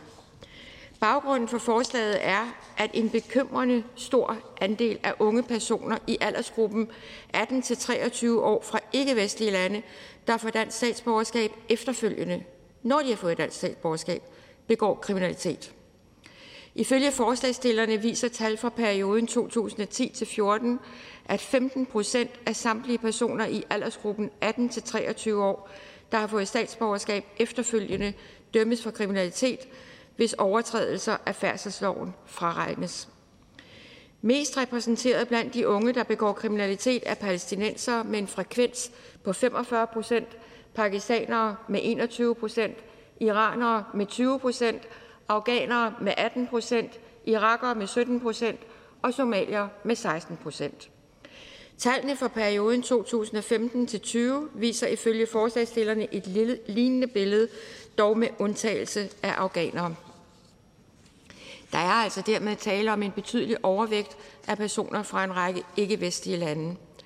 Forslagsstillerne håber med forslaget, at en skærpelse af reglerne kan motivere flere unge udlændinge til ikke at begå kriminalitet, eller alternativt for ramme dem, som alligevel får domme for kriminalitet, således at de omfattes af karensreglerne for begået kriminalitet, og Dansk Folkeparti støtter denne hensigt. Grundlæggende er Dansk Folkeparti af den holdning, at indfødsret kun skal tildeles folk, der viser sig værdige til den gave, som det er at få indfødsret, og som allerede betragtes, allerede betragtes som en del af det danske fællesskab. DF mener derfor, i tråd med forslagets hensigt, at det skal være sværere at tilegne sig dansk indfødsret.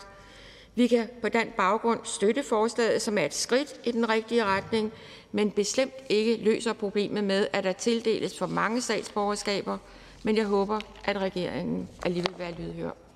Tak. Tak til fru Pia Kjærsgaard. Der er ikke nogen korte bemærkninger, og det betyder, at vi nu er kommet til ordføreren for forslagsstillerne, hr. Markus Knudt.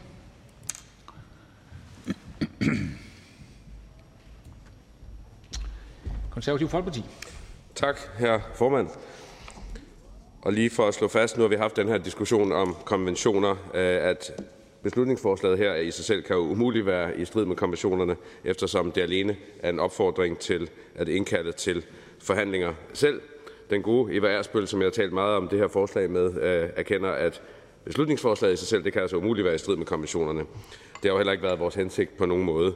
Men Virkeligheden er, at der er rigtig mange løsninger, som vi i hvert fald kunne se os selv i, der kommer den her problemstilling øh, til livs. Det kunne for eksempel være øh, at kigge på at fjerne dispensationsmuligheden ved øh, beskæftigelseskravet, som alt andet lige vil gøre, at rigtig mange unge ikke bare får udleveret et dansk statsborgerskab på meget lempelige vilkår i en helt ung alder, men at man for eksempel skal have haft et arbejde først. Det tror jeg, vi ville kunne komme problemstillingen langt hen ad vejen til, til livs. Fordi det er jo problemet her, som vi skal komme til livs, som fru Pia Kærsgaard lige sagde, altså 15 procent, som der jo står i noterne her, 15 procent af alle unge, der på de her smutvejsordninger øh, får, får statsborgerskab udenom alle mulige krav, vi ellers normalt stiller. 15 procent begår efterfølgende kriminalitet. Og når man kigger på den gruppe, der er stærkest repræsenteret, så er det statsløse, altså det vil sige unge fra ofte Palæstina eller Libanon. 45 procent, altså næsten halvdelen, begår kriminalitet, efter de har fået statsborgerskab, fordi at de får det i en ung alder gennem de her smutvejsordninger. Og det er jo specifikt, og det har vi debatteret i dag, den her øh, fast-track-ordning til permanent ophold, hvor man bare får det som 18-årig, uden der bliver stillet krav, og så igen til statsborgerskab, hvor der også igen er en smutvej udenom kravet til beskæftigelse. Så hvis man fjernede de to, jamen så tror jeg i hvert fald, at vi ville være meget tilfredse i forhold til lige præcis den her problemstilling. Det er der så ikke opbakning til, men jeg håber, at partierne, der har været med i debatten i dag, i hvert fald kigger problem, på problemstillingen og tager den alvorlig. Så vil jeg gerne sige tak til Dansk Folkeparti for at bakke øh, forslaget op her. Øh, jeg er jo enig med fru Pia Kærsgaard, det her løser jo ikke alle problemer, men det er et skridt i den rigtige retning. Og øh, tak til Nye Borgerlige, som jeg skal hilse fra, der siger, at de også bakker forslaget op. Tak til ordføreren. Der er ikke nogen kort bemærkninger. Og da der er ikke flere, som har bedt om ordet, forhandling sluttet, og jeg foreslår, at forslaget henvises til Indfødsretudvalget. Og hvis ingen gør indsigelse, betragter jeg det som vedtaget, og det er vedtaget. Der er ikke mere at foretage i dette møde. Folketingets næste møde afholdes i morgen torsdag den 28. april kl. 10, og jeg henviser til den dagsorden, der vil fremgå af Folketingets hjemmeside. Mødet er hævet.